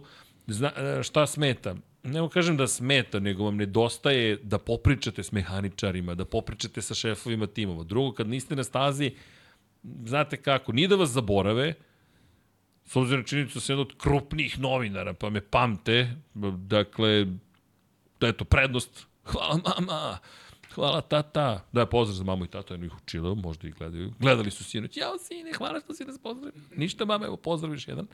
Ali, naravno, da, da ne kažem, e, ne, možda nije pravi glagol smeta, ali utiče negativno na posao svakako. Ali imate još jednu situaciju, a to je zapravo da u celoj priči imamo pa situaciju u kojoj mm, zapravo je Formula 1 zajedno sa MotoGP-em na tu, toliko vikenda da pošto radim i jedno i drugo, ne mogu da odem na stazu kada su jedno i drugo. Eto, to je to. A, a što se tiče e, kada govorimo o kolegama koji su radili za Pop TV, Pa oni su i dalje na stazi, koliko ja znam. E, baš sam, nisam ih video, pošto ja nisam bio, bio sam na samo jednoj trci prošle godine, ali koliko znam i tamo su tokom većeg dela sezone, Tako da ja se nadam iskreno da će nastaviti nešto da rade, pošto oni su stvarno super i sa njima sam imao, neću reći intervju, ali bili su mi jedni prvih gosti u kabini tamo 2011. Ne, 2000, 2011. ili 12. u Muđelu, to je baš bilo zabavno kada su svratili kabinu. Uh, i, uh, El Mesija kaže, pitam, pošto su oni odustali, vi dalje komentarišete. Pa ne, ne, ne mogu da govorim u njihovo ime, zaista morali bismo da ih pozovemo pa da ih pitamo zašto su povukli e, taj potez. Inače, kaže Srki Medo iz Srbije, svi ga znaju iz Dorne, Branislav. Da li znate da mi je nadimak Ursa zapravo od prošlogodišnje Madoni di Campillo? Deki, ne, ne kažem da je to pohvalno što me zovu Međed, ali dobro. Zato što sam propao sneg, inače, pošto sam trebao da skočim u neki sneg. I sad imamo one specijalne dodatke za cipele koji su kao, kao reketi i staneš, osloniš i tako da, kao skoči, ja skočim samo, samo ovako, brop, dva i po metra visine i uopšte nije najmno kada skočite na pogrešno mesto, sam sam uskočio da je bilo, ajmo da ga otkopavam, otkopavajte mi drugari, tako da znate. Um, Deki, uh, Dekijeva prognoza, ne znam da ga ne govorim da dođu 99 yardi pa da vidimo kada šta prognozira. Um, da vidimo, Igor kaže sad najzad mogu da navijem za Repsol Honda pošto nema Marka Markeza. Ok, djeluje mi da, nam, da niste obožavalac Marka Markeza, Igore, ali ono što mi je zanimljivo je neki moji drugari su baš navijači Repsol Honda, konkretno moj drugar Radoš, koliko on bio tužan što odlazi Mark Marquez, ali ne navija za Marka Markeza, navija za Repsol Honda. I to moram predstaviti, da odavno nisam sreo nekog ko ima njih par koji su, ne, ne, Repsol Honda, žao mi je, čao, čao, ne, nije više sa nama. Ne, i tako dalje. E, mu, Boško, dobro, ovde ne, Medved iz Madone di Campillo, e, otprilike tako me zovu. Inače, zanimljivo je Madone di Campillo, pošto se nalazi između zapravo dve vrste planina i to je zapravo granitnih i ne mogu setiti drugi koji je kamen u pitanju. Ali eto. Dobro, idemo dalje. E, ako imate neka pitanja, tu smo, iskoristite što se družimo s obzirom na činjenicu da smo tu, pa smo tu uživo. Inače, prezentacije Moto Grand Prix timova, to da ne zaboravim. Ono što znamo, 20. januar Gresini, e, ne znam da li je Riccione ili Riccione, mislim da je Riccione u Italiji, zatim Ducati Madonna di Campillo 22. januara, 24. januara će VR46 da predstavlja negde u Italiji, pretpostavljam da će ta volja da bude u pitanju, i 26. januara Trackhouse Racing u Los Angelesu ima prezentaciju svog novog tima. Eto, deki, taman da odemo malo da vidimo i Božija i celu ekipu. Idemo. Los Angeles! U Los Angeles gradu, pitali su vladu. Se sećaš? Imaš vizu? Imam. Pa šta te briga? pa, ne, pa nisam ja u pitanju, nego kolega, ne, ne mogu to sam. To mora... mora... Pa morat ćeš. pa ajmo da sredimo tu vizu. Uh mhm. -huh. A, Hoće to tako. E, pa, izvini, kad vide tebe, reći uh mhm. -huh. ko? Dejan, potkonjak? Nema nikakvih problema. To ćemo da sredimo odmah. Da, Inače, kada pričamo o Trackhouse Racingu, nadam se da ćemo uspeti i da iskoristimo Božijevu vezu da popričamo sa prvim čovekom te ekipe. Da, to, to mi je bila jedna od važnih stvari, da, da, da već kreću zapravo prezentacije motocikala. Znam da je to samo boja za mnogi od njih, ali opet, bez obzira što je boja nekako, morate predstaviti meni taj lep trenutak, nekako kreće sezona, znaš. A drugo, Ducati će prezentovati to mašinu koju smo imali priliku da vidimo u Valenciji, tako da je to zaista novo, novi, novi motocikl. I ono što mi je zanimljivo, eto, da li će Trackhouse imati za Olivieru novu Apriliju ili neće. Mada smo i nju videli. Nije kao u Formuli 1, to je isto zanimljivo u Moto Grand Prix. Kraj sezone, dva dana kasnije ti već vidiš nove motocikle. Kod Formule 1 do poslednjeg trenutka se čeka da se izgrade delovi. Pa da. Drugačiji pa razvojni dobro, ciklus. Da, to je, da, upravo to, drugačiji razvojni ciklus i ovaj, generalno nekako je na, na tom višem nivou su bile te prezentacije ranije i marketinški i na razne druge načine, tako da ovaj, bilo je pre stvarno velikih promena između sezona u samom izgledu bolida i svega, pa je zbog toga bilo jako zanimljivo. Ovaj, ti generalno ono, imao si kroz, kroz decenije su se Fordovi motori tu, tu vukli i provlačili, tako da nije to toliko bilo bitno, nego je bilo bitno da se vidi sa kakvim rešenjima će ekipe da izađu i nekako iz tog vremena je, je to ostalo da su te stvarno ovaj, promocije bolide Formula 1 onako baš zanimljivije i, i drugačije sad nekako možda, možda sad i nije to toliko ovaj, ostalo zastupljeno. Videli smo da, da u prethodnim sezonama čak smo imali i, i promocije bolida prvog dana zimskih testiranja, tako da nešto ovaj, su ti spektakli počeli da, da izostaju, ali eto, nadam se da će se nešto vratiti bar u tom smislu da imamo te neke tradicionalne priče, a, a Moto Grand Prix nekako svojim, svojim tokom tog sve ovaj, vuče i generalno ono, od sezone do sezone su druge stvari i druge stvari se čekaju. Kada je reč inače o prez, prezentacijama, sezonama i tako dalje, moram da proverim da li smo imali Kada smo poslednji put imali prezentaciju uopšte u Americi za jednu ekipu Moto Grand Prix-a? Ne mogu da setim da li je ikada bila prezentacija. Pa generalno nešto mi to nije ono spektakularno ni bitno ni bilo, tako da ne, ne, ne bih mogao uopšte da... Ali samo vi zanimljivo da se sad, kuriozitet. Generalno, čak u nekim sezonama je bilo bukvalno dobio samo fabričke slike, bez, bez nema pompe, i, nema da, ničega. Nema, da, nema čak ni prateći, prateći informacije gde je šta slikano. Ako se sećaš, ranije tako bilo. Ne, ne, ranije samo dobiješ u, na beloj pozadini tako motocikl, dobiješ par fotografija vozača, školski, kao za, ne znam, da, da. godišnjak. Pa upravo to, jednostavno, ne, ne vrti se ogroman, ogroman novac u Motogram Priju i takve neke promocije koje generalno ne doprinose nečemu spektakularnom se ne, deša, ne dešava. Seća se Aprilija kako je i u pozorištu su pravili promociju i podigli su na, na to jest Rivole podigao na F1 nivo. Jeste, i sa njim je Ducati to ispratio, to jest Audi, pa je prošle godine oživela da. Madonna di Campillo, Jeste. Ferrari koji je na ulicama pravio promociju posle, prvi put posle od kada je počeo COVID bio, Imamo sad, prošle godine u Njujorku Red Bull pravi, ove godine Williams će biti u Njujorku, u Londonu će biti Zauber, svašta se dešava i onda sad... Sveće se ranije Formula 1, pa McLaren, Mercedes, je tad bio, pa Spice Girls dođe na, Jest. na promociju, pa ne znam, Briatore potroši Renault paru u Veneciji, pravi na sred trga i tako. Dešavalo se, pa da. Dobro, veliki novac, a sve je veći i veći, jest. tako da je i Moto Grand Prix ušao u tu neku igru. Da, sećam se, ranije bilo 70-ih, bukvalno i štale. Colin Chapman izgurao ovaj, Lotus koji nakon na, na, na slikovima onako bukvalno slama. I slikaju se pored i to je to. A, e, kada spominješ slamu i kada spominješ tako boje i neke rudimentirane stvari, e, Speed Week je zanimljivo, zanimljivu fotografiju izvukao juče za Markezove Honda, pošto pretpostavljam da motocross program Ducati još nije baš toliko zaživeo koliko bi Mark Marquez želeo, ali Honda i dalje koristi za testiranje, ali je samo ofarbao u nove boje koje je imao tokom testa u, u Valenciji, ali dalje je Honda u pitanju, tako da eto, čekamo Ducati kada će započeti tu vrstu saradnje sa motocrossom za, za, za svoje vozače. Pošto je to simpatično kada pogledaš, pojave se na Yamahama, pojave se na Hondama, pojave se na... Čekaj, od sad će Čabati da kaže, alo momci, da, da. imam neke nove motocikle za vas, ajmo to da regulišemo.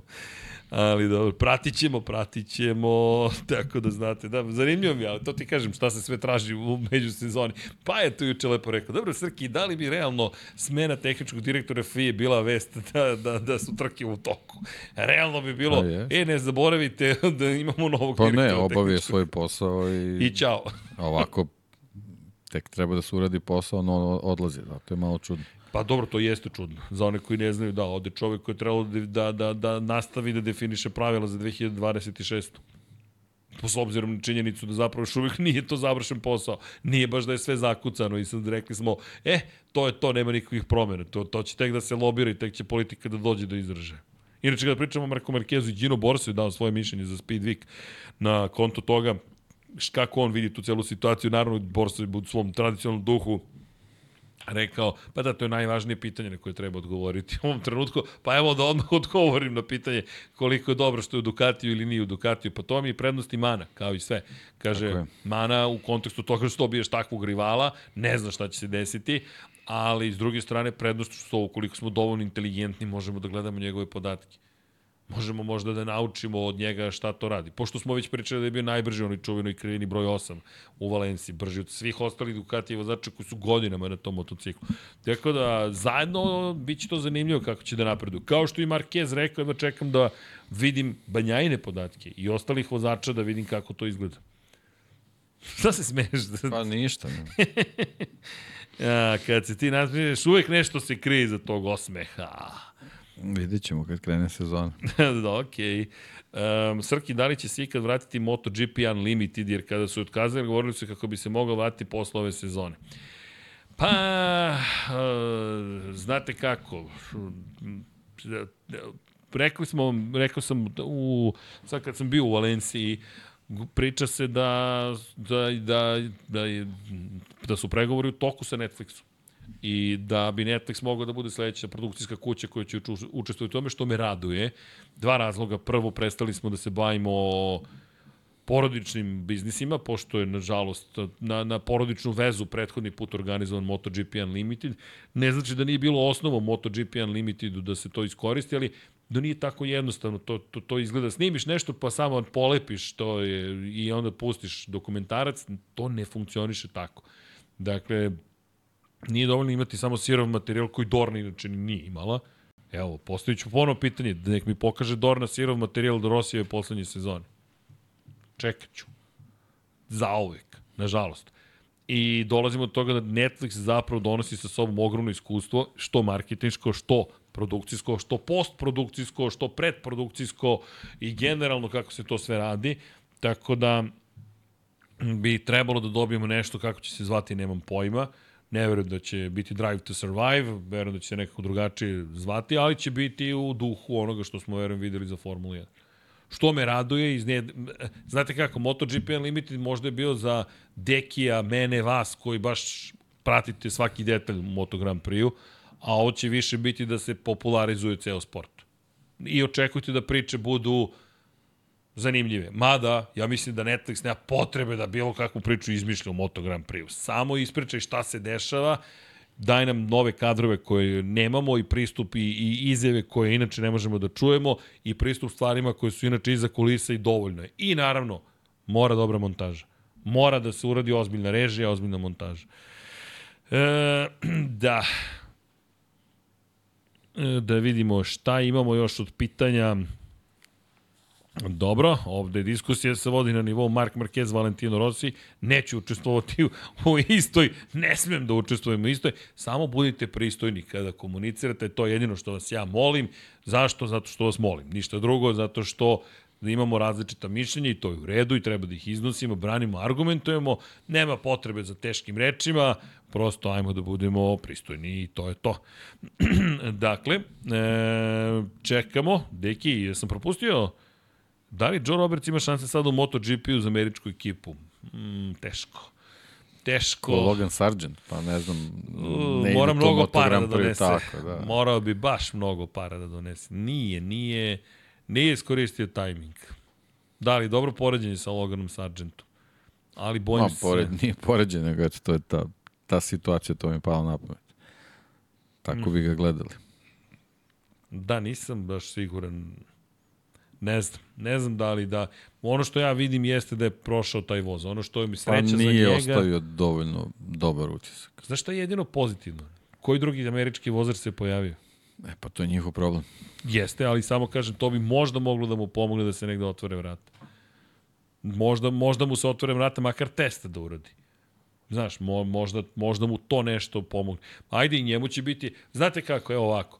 Ako sada Joe Roberts, kada se vratio American Racing, koji nema veze sa, track, sa, sa, sa Trackhouse-om, odjednom počne da bude pobednik ponovo u Moto2 kategoriji, e onda se šansa otvara. Ali bukvalno na njemu i da se vrati na Digino, šta uradiš na stazi? Eto, neka Joe Roberts uradi na stazi dovoljno ili u pravom trenutku dovoljno i kao što je Fabio Quartararo živao svoju karijeru, ne poredim ga s Fabio Quartararom, samo poredim situaciju da je Fabio konstantno bio na začelju, pa se uzbiljio, pa zabeležio čuvenu pobedu u Barceloni 2018. Možda ćemo dobiti upravo tu situaciju gde Joe Roberts u pravom trenutku odradi dovoljno dobar posao, Raul Fernandez potpiše za Repsol Hondu na Dekio veliko zadovoljstvo i onda kažu Joe dođi kod nas da voziš za Trackhouse. Nisam ga ispričao? Eto, to je to. to je taj scenarij. To je taj scenarij. Ali bukvalno to jeste, to, to, je- to, to jeste scenarij. E, inače, nisam napomenuo samo šta je zapravo Inače, zanimljivo, makar meni zanimljivo, šta sam primetio, nisam to ranije primetio, jeste da je, da moram priznati da mi je zanimljivo ko sve sarađuje sa Kimi kada je reč o, o, o novinarskom poslu, pošto je zapravo za Simon Peterson je i za Speedweek počeo da piše pre dosta godina, ali nisam u poslednje vreme viđao njegove tekstove na Speedweeku, pa su ponovo počeli se bavljaju. Elem, e, imao razgovor sa Masimom Rivolom i Rivola koji je rekao da zapravo iz njegove perspektive Moto Grand Prix postao kao avion sa točkovima. Otprilike tako mu trenutno izgleda situacija savremenog motociklizma. Ono što se nas čeka, inače 2027. jesu nova pravila, izvinjam se, a 2026. će Formula 1 dobiti nova pravila. Ne znamo da li će smanjiti kubikažu kao što se priča da bi mogli da učine, ali ono što im je cilj jeste da smanje brzinu ukupnu Moto Grand Prix motocikala i da smanje količinu tehničkih uređaja. To je uvek problematično. Nadam se da će uspeti da se iskobeljaju iz lavirinta u kojem se trenutno nalaze. Zašto je problematično? Pa, ne sme da bude na uštrb bezbednosti vozača, što se često desi kada je reč o ograničenjima tehničkih, jel te, elemenata, tako da ih čeka jedan ozbiljan posao. Ono što je zanimljivo da je gotovo izvesno da će se smanjiti kubikaža na 850 kubika, ali ja se nadam da se to neće desiti iskreno. Pa da, ali to u Moto Grand Prix ta priča, to smanjivanje na uštru bezbednosti, ne verujem da će neko spektakularno da vodi računa o tome, ili da, da vode računa o tome ne bi imali sprint trke, tako da, barem ne u, ovom obimu, tako da uradit će oni šta su naumili. I inače Rivola ne, ne vidi problem u tome što ima toliko aerodinamike, apropo ovoga što ti kažeš, on je rekao, smatram da, što mi deluje kao klasična forum, F1 filozofija, da Moto Grand Prix motocikl ne treba da liči na ulični motocikl, nego treba da bude nešto što ne možeš da sretneš nigde drugde osim na Moto Grand Prix trci i da je u redu da su oblikom potpuno drugačiji od bilo kojeg drugog motocikla i da ne liče na Superbike, ne liče ni na što drugo, već da budu da ti je jasno da gledaš Moto Grand Prix. Što nikad nije bila zapravo situacija. Ti kada i bi video Moto Grand Prix motocikl, to je opet motocikl. Sada sa aerodinamikom i ovim oblicima koje imamo, zaista smo nadomak toga.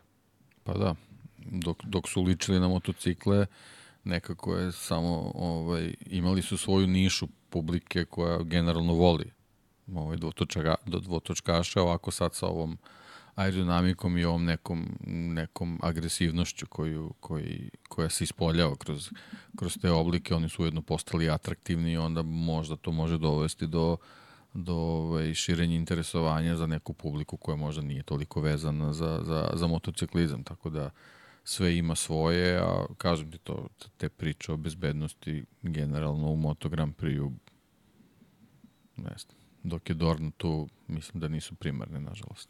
Inače, Rivola je rekao da za njega problem nije brzina. I rekao je da on smatra, samo da se razume, da ne bude da sam rekao da Rivola je na, jedno, na, na nekoj strani na kojoj nije. Ne zauzimam ni jednu stranu. U stvari, moj stav više vuče ka Rivolinom u kontekstu brzine. On je rekao, ne vidim problem nužno u brzini, jer mi je potpuno neprihvatljivo da Moto Grand Prix bude sporiji od Superbajka. Ako, smo, ako je Formula 1 Moto Grand Prix, moto, sveta motociklizma, kako si spori od nekog drugog takmičenja? Pa da, ali Formula 1 se ne meri brzinom, nego brzinom maksimalnom, nego ne, ne, ne, se meri maksimalno. brzinom u krivinama. Tako je. A šta dobijamo, gde smo unapredili brzinu u krivinama? Kroz razvoj aerodinamike. Massimo Rivola bi mogao da sedne na Moto Grand Prix motocikl da proba da ga zaustavi na pravcu. Da ima drugi pa, problem. Pa, Sprint je. Pa da priča onda. Da. Tome, da. ok, ali ima još jedna stvar, a to je da je rekao, što se tiče novih pravila, da se ne lažemo, guraćete pravila koje vam odgovaraju da budete konkurentni. I to mislim da je najveća istina. Pa, to je... Koju je rekao. ko je bilo ko rekao. Ako to ne radiš, onda nisi za, za taj šampionat. Ne zove za bilo koji. Da... Pa, takmičiš se, aman, želiš da pobediš. Nije da će oni drugi reći, nema problema, evo, pa. pobedite nas. Mi ćemo da se malo zaustavimo. Mada, tu su zanimljive te priče o koncesijama. Pa, da. A, inače je rekao... Da, vidjet ćemo i to kako će da se, da se razvije kroz 24. A kada je reč o, o nekim još izljama Rivolinim, zanimljiv je bio njegov komentar da smatra da u Superbajku treba da se ne ograniče neke stvari, jer smatra da je potpuno neprihvatljivo da se motocikl koji vredi 45.000 eura koristi u takmičenju protiv 20 da, motocikla da, 25.000 da, da. eura. Johnny je započeo tu temu. Rivola se nadovezao. Zato što ti već u startu kad dovedeš serijske motocikle na, na te prepravke, već je razlika više nego očigledno. Da, i rekao je za njega jedina budućnost za Superbike je da se primene zapravo pravila iz Superstoka. Zapravo da ti napraviš nešto, da, rekao je treba da zadrže cool ime, da bude Superbike, ali ono što i ono što jeste zapravo poenta tog, tog šampionata bi trebalo da bude da prodaješ motocikle zapravo. Da dođeš i kažeš, e, ovo možemo da kupimo, ali rekao takođe mora da postoje određena ograničenja rekao je što se njega tiče, oni nisu zainteresovani previše za Superbike šampionat, pošto mu deluje kao Moto Grand Prix B kategorije i rekao iz te perspektive tomu, tomu ne odgovara, ukoliko naprave malo drugačija pravila, to jest po njegovom mišljenju poštenija pravila, onda bi možda Aprilia bila zainteresovana. Zato što onda jednostavnije ući to, tako je. Jest. I inače, kada govorimo o pravilniku, njihov trenutni motocikl RSV četvorka o 1100 je jednostavno van onoga što prihvata šampionat sveta, koji je ograničen za četvorocilindrične motore na 1000 kubika. U svakom slučaju, rekao je da on smatra da prosto treba da, da kada reč o motociklima uličnim, ta, žele da imaju drugačiji motocikl. Ali kako god pogledate, zanimljivo je čuti šta sve ima da kaže i koje pogled ima. Dopada mi se što imamo neku vrstu povratnih ozbiljnih informacija. Na primjer, iz Yamahe ništa nisam čuo. Osim da će da angažuje evropske inženjere. Sede i rade. Da, da, da, da, da, potpuno su posvećeni. Znaš, to bih volio da neko se pojavi kao nešto nam ispriča, da nam kaže, ali opet vratit ću se na Bron Grand Prix, ovaj dokumentarac. Kada pogledaš Hondin upravni odbor, kada pogledaš kako razmišljaju, kada pogledaš kako postavljaju stvari i onda sve to spojiš opet celu priču. Inače, sad sam zaboravio kako se zove jedan od glavnih ljudi iz Honda koji je na kraju prihvatio funtu Bronovu za otkup ekipe, da je drži u džepu, kaže, još uvek čuvam tu jednu funtu, istorijska jedna funta stoji, ali eto, Honda se posle vratila, neuspešno s McLarenom, uspešno sa Red Bullom, pa ćemo da vidimo šta će to da bude sa Aston Martinom. Sve to bizarno, je Aston Martin Honda kao kombinacija, ali sve je to u redu, nek se samo trkaju dobro da ti obrvu nismo snimili u ovom trenutku, kako se samo podigla značajno. ali dobro. Uh, deki, imaš ti nešto da dodaš? Ja sam se raspričao, ali kad je to sad je nešto novo u celoj priči? Nemoj da se smete, to nije lepo. pa nema šta, to je to. Mislim, generalno smo, da kažemo, prošli to sve što se dešavalo u prethodnim danima kao, danima kao neki update mali, pa ovaj, eto, ja, ja se već nadam da, da od, od te neke sledeće nedelje, ovaj, kako se bliže te neke promocije, da ćemo imati možda još neke interesantnije priče, ali što se mene tiče može i ovako da nastavi s obzirom da u prethodnim sezonama nismo ni ovo imali, tako da neke zanimljive priče iza kulisa mogu da, da iniciraju neku neku debaticu, pa eto da vidimo šta će, šta će da, da nam donese nedelja pred nama. E, imam još jednu stvar, izvini. Naravno da imam još jednu stvar.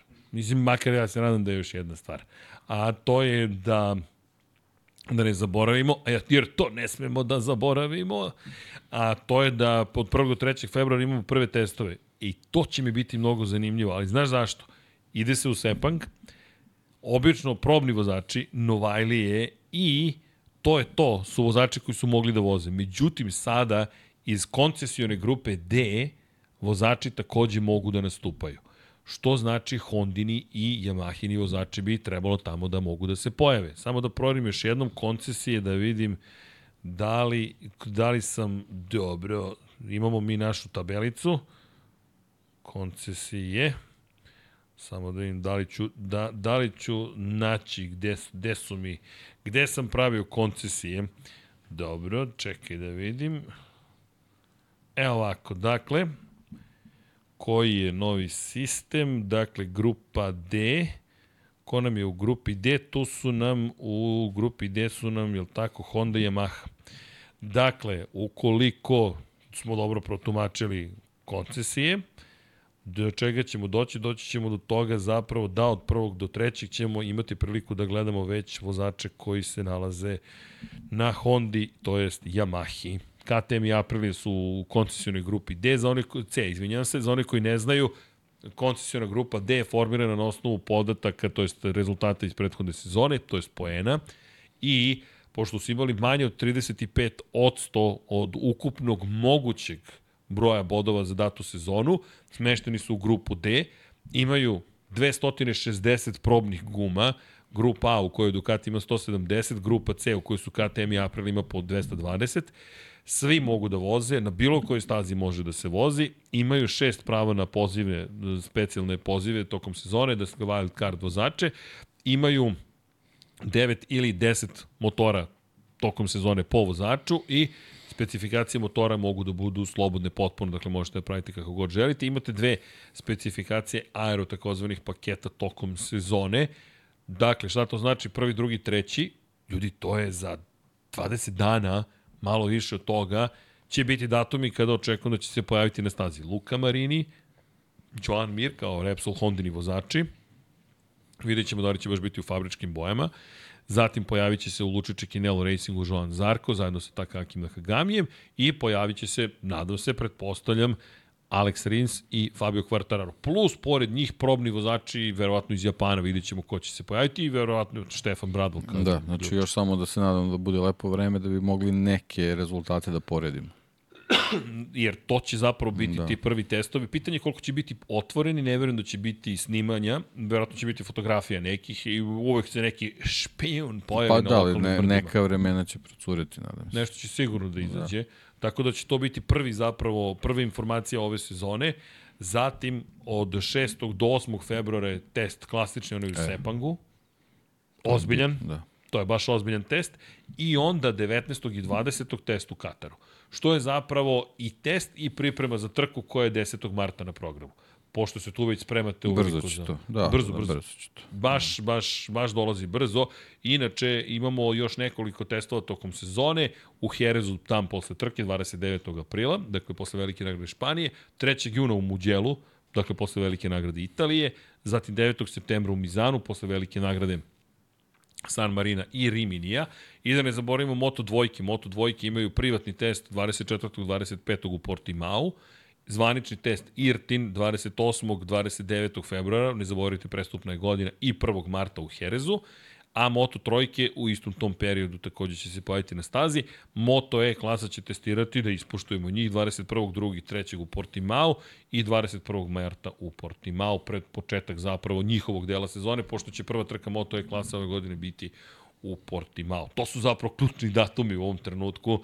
Lepo je što pričamo o, o, o tome kada će ko da prezentuje zapravo motocikl, što Dehi kaže, ovo su bitni datumi, bukvalno. Ovo je baš onaj jedan e, e, ekstremno važan moment. I tako. Imate vi neka pitanja dok smo tu? Da vidim u četu, da li još uvijek traje duel, ko je bolji, ko je bolji. A, Srki, da li ste ispratili da se Ian Hutchinson vraća na Isle of Man? Da, te, te. da, svaka čast. Da, to... To je baš onako never give up priča, stvarno. Ovaj, da, zaboravili smo ono kad smo pričali o, o Staromanu tome, ali stvarno, svaki čast. Mislim da je možda ni udar, čini mi se, tako nešto. E, da, možda ni udar imao. Čujte ljudi, to je baš... Ovaj, samo po sebi da se posle moždanog udara nađete u situaciji da funkcionišete relativno uobičajeno, neću da kažem normalno, je fascinantno kamoli da sedete i da se trkate na motociklu, kamoli da odete na Isle of Man TT. To bi zaista bilo fascinantno. Inače, samo da odgovorim na, na Dragan Matić, kaže, mislim da za zimsko testiranje nema ograničenja u smislu koncesija, e, ne možete da ne za Sepang i za Katar, već ovo što govorimo jeste za prvi, drugi, treći, pošto taj prvi prvi shakedown, takozvani test, prethodnih godina je bio rezervisan isključivo za probne vozače i za Novajlije.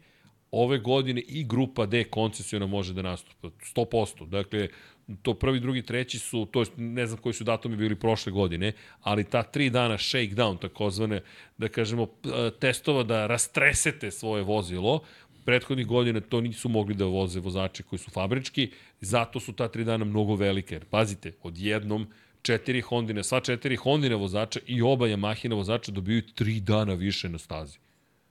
Ako to ne iskoristite, ali treba stvarno kazniti, prebaciti u grupu E. Nemate pravo ništa da radite cele sezone.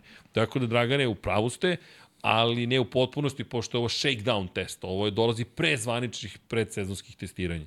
Da, zato, su, zato je moguće. E, kada je reč o, evo pitanje zašto u Moto2 i Moto3 aerodinamika nema tako veliku ulogu, nema krilaca kod njih i ostalih stvari, koja je razlika? Dve stvari, prvo pravilnik to zabranjuje, mnogo toga je zabranjeno zapravo u Moto2 i Moto3 kategorijama. Druga stvar, da biste se igrali sa aerodinamikom treba vam ozbiljno jak motor, jer to je... Ne, ne samo to, budžet. To, to je sledeće što sam teo da kažem, pare. Ne, ti, ti šampionati sa povećanjima budžeta bi se deset kole, tako da to mora da ostane na nekom prihvatljivom nivou. Što se ne bi desilo. I ovako jedva preživljavaju Tako često. Veći, Tako. veći deo timova. A kada... Sve to što si ti rekao povlači povećanje budžeta i nema toga ništa. Da, i, i, I ne treba, realno. Pa ne samo nema to. Nema razloga. To, Ljudi. je, to je ono što, što, su, što i Rivola rekao. Nema šta to. Treba da bude Moto Grand Prix su prototipovi koji su nedodirljivi nema razloga da ih bilo ko kopira. Ima još jedna bitna stvar u celoj priči, a to je, ljudi, koja je gledanost Moto2 i Moto3 šampionata? Zašto biste investirali tu količinu novca, osim da zadovoljite nas fanatike?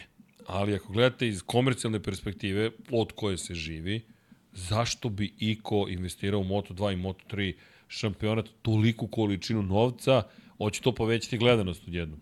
Ljudi, oni su namerno radili na tome da gledanost pređe na Moto Grand Prix da to bude najgledaniji aspekt Moto Grand Prix vikenda, jer u jednom trenutku, verujte, krajem 90-ih je desilo su se dve stvari.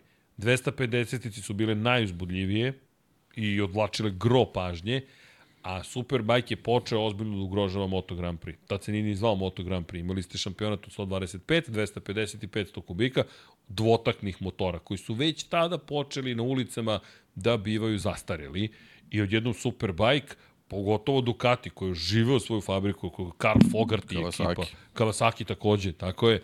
Dakle, vi dobijete šampionat koji je mnogo relevantniji, to su motori koje možete da vidite na ulici, to su motori koji imaju svoje priče, koji se pojavljuju u filmovima, spominjali smo Matrix, Ducati je i tekako iskoristio u tom momentu E, medijsku, medijsku scenu. I Kawasaki jedno vreme sa Ninjom. Jeste, sa Ninjom, tako je. Baš je bio na... na, na da cool se name, što bi cool rekao. Name, tako je. Ovaj, Rivola. Rivola, cool name, tako je. Pri, pri čemu, setite se Kawasaki 10 godina ranije. Šta je vozio Tom Cruise, pričali smo o tome. Zna se Kavaš i u njegovim rukama, tamo dok vozi po, ne znam, Kaliforniji Juri F14, on je na Kawasaki, na, na zapravo prvim ninjama, na prvom superbajku. Dakle, mi govorimo o tome da je u tom momentu bio ugrožen šampionat i da su uradili sve što mogu da kraljevsku klasu učine najpopularnijom. Samim tim uticali su na to da padne va važnost 250 125 osim, kažem, za nas fanatike i potom prelazak na Moto2, Moto3 kao i imenovanjem proces lestvice ka Moto Grand Prix klasi. Zato više ni nije toliko velika stvar objediniti titule kao nekada, jer je prelazak sa 125 na 250 bio zaista ekstremno zahtevan, ekstremno i sa 250 na 500 gotovo nemoguće za mnoge vozače. Često se dešavalo da imate eksperte za 500 kubika, pa i da ljudi iz Superbajka dođu zapravo u kraljevsku klasu, Mick Duan stigao iz Superbajka zapravo u, u GP kategoriju.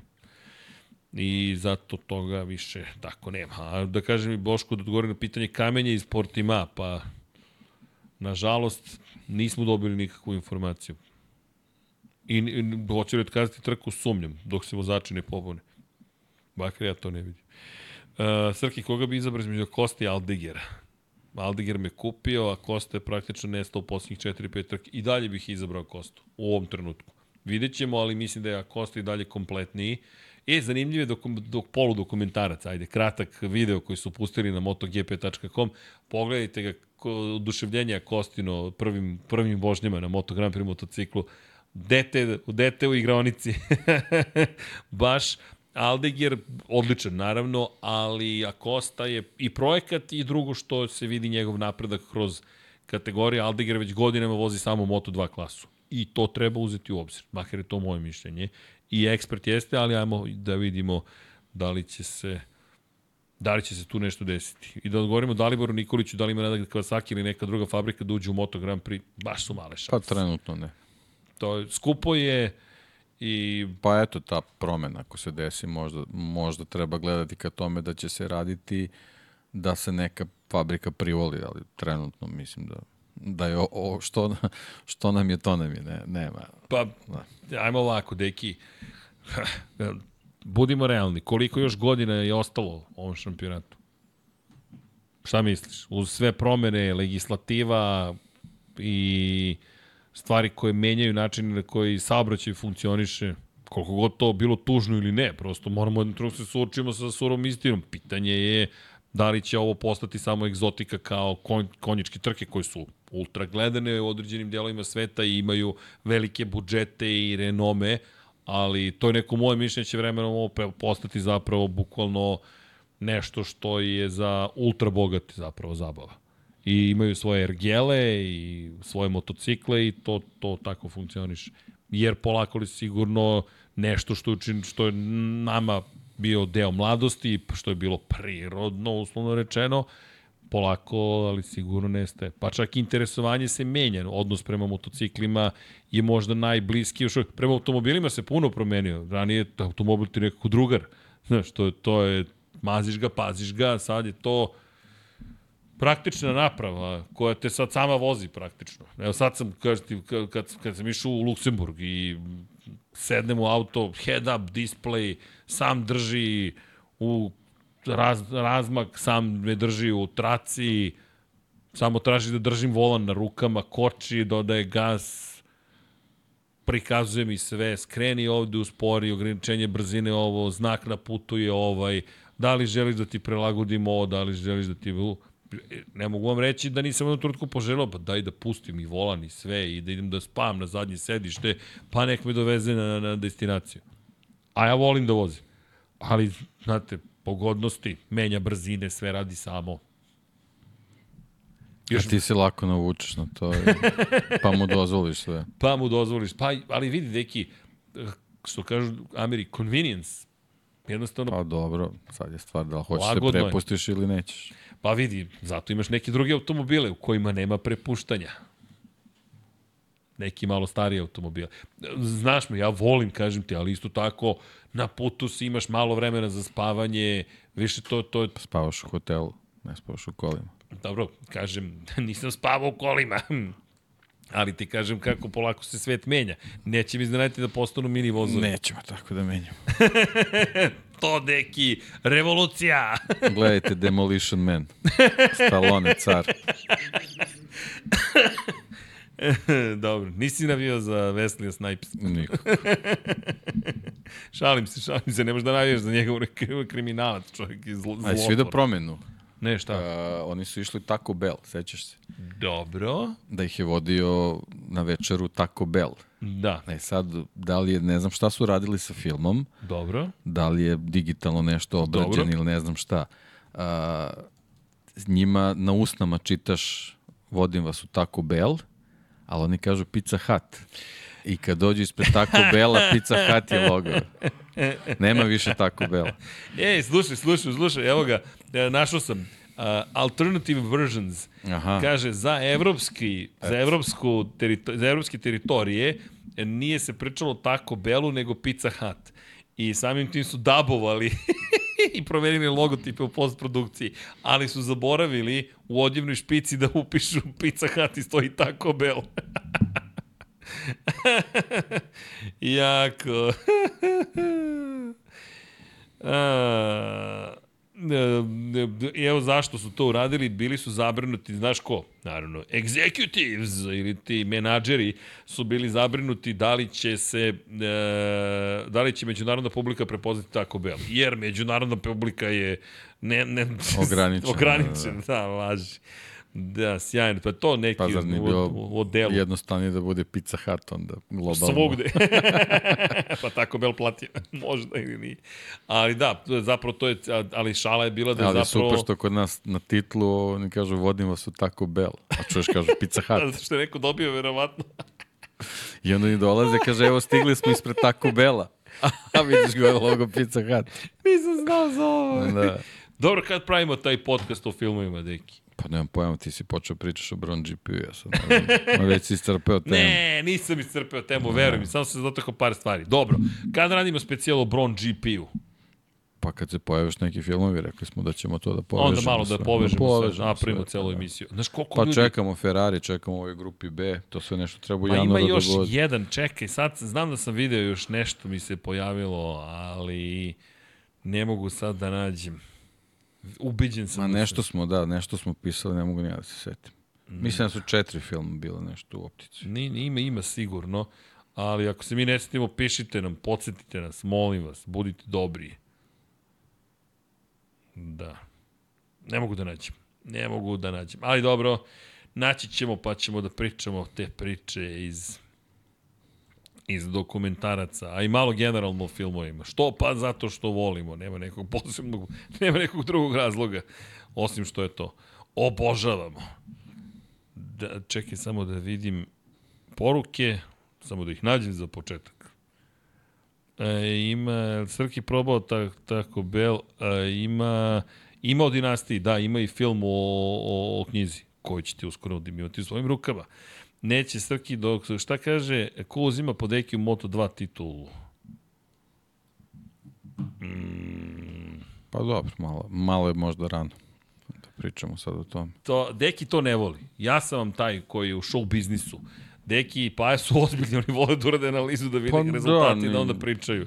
Ja volim da, se, da nagađam. Pa ne, nećemo, nećemo rezultate, ali ajde, pre, pre, pred početak sezone ćemo malo da intenziviramo tu priču. To sigurno.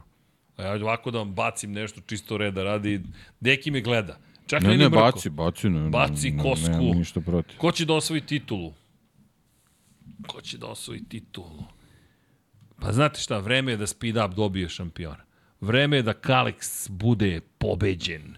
Da Imperija mora da posle uzvrti udarac, tako da iako ne verujem u Aldegera, iskreno mislim da, da je vozač koji kada je mali ulog zapravo tada ostvaruje dobre rezultate, a kada bude sada došlo tvrdo i kada bude bilo potrebno, aj sada te vidimo da će opet sa Vijetim da ima puno problema i da će Lestino tu ima veliku šansu, ali čisto da bi bila mala promena u proizvođačima, eto Aldegir na speed upu.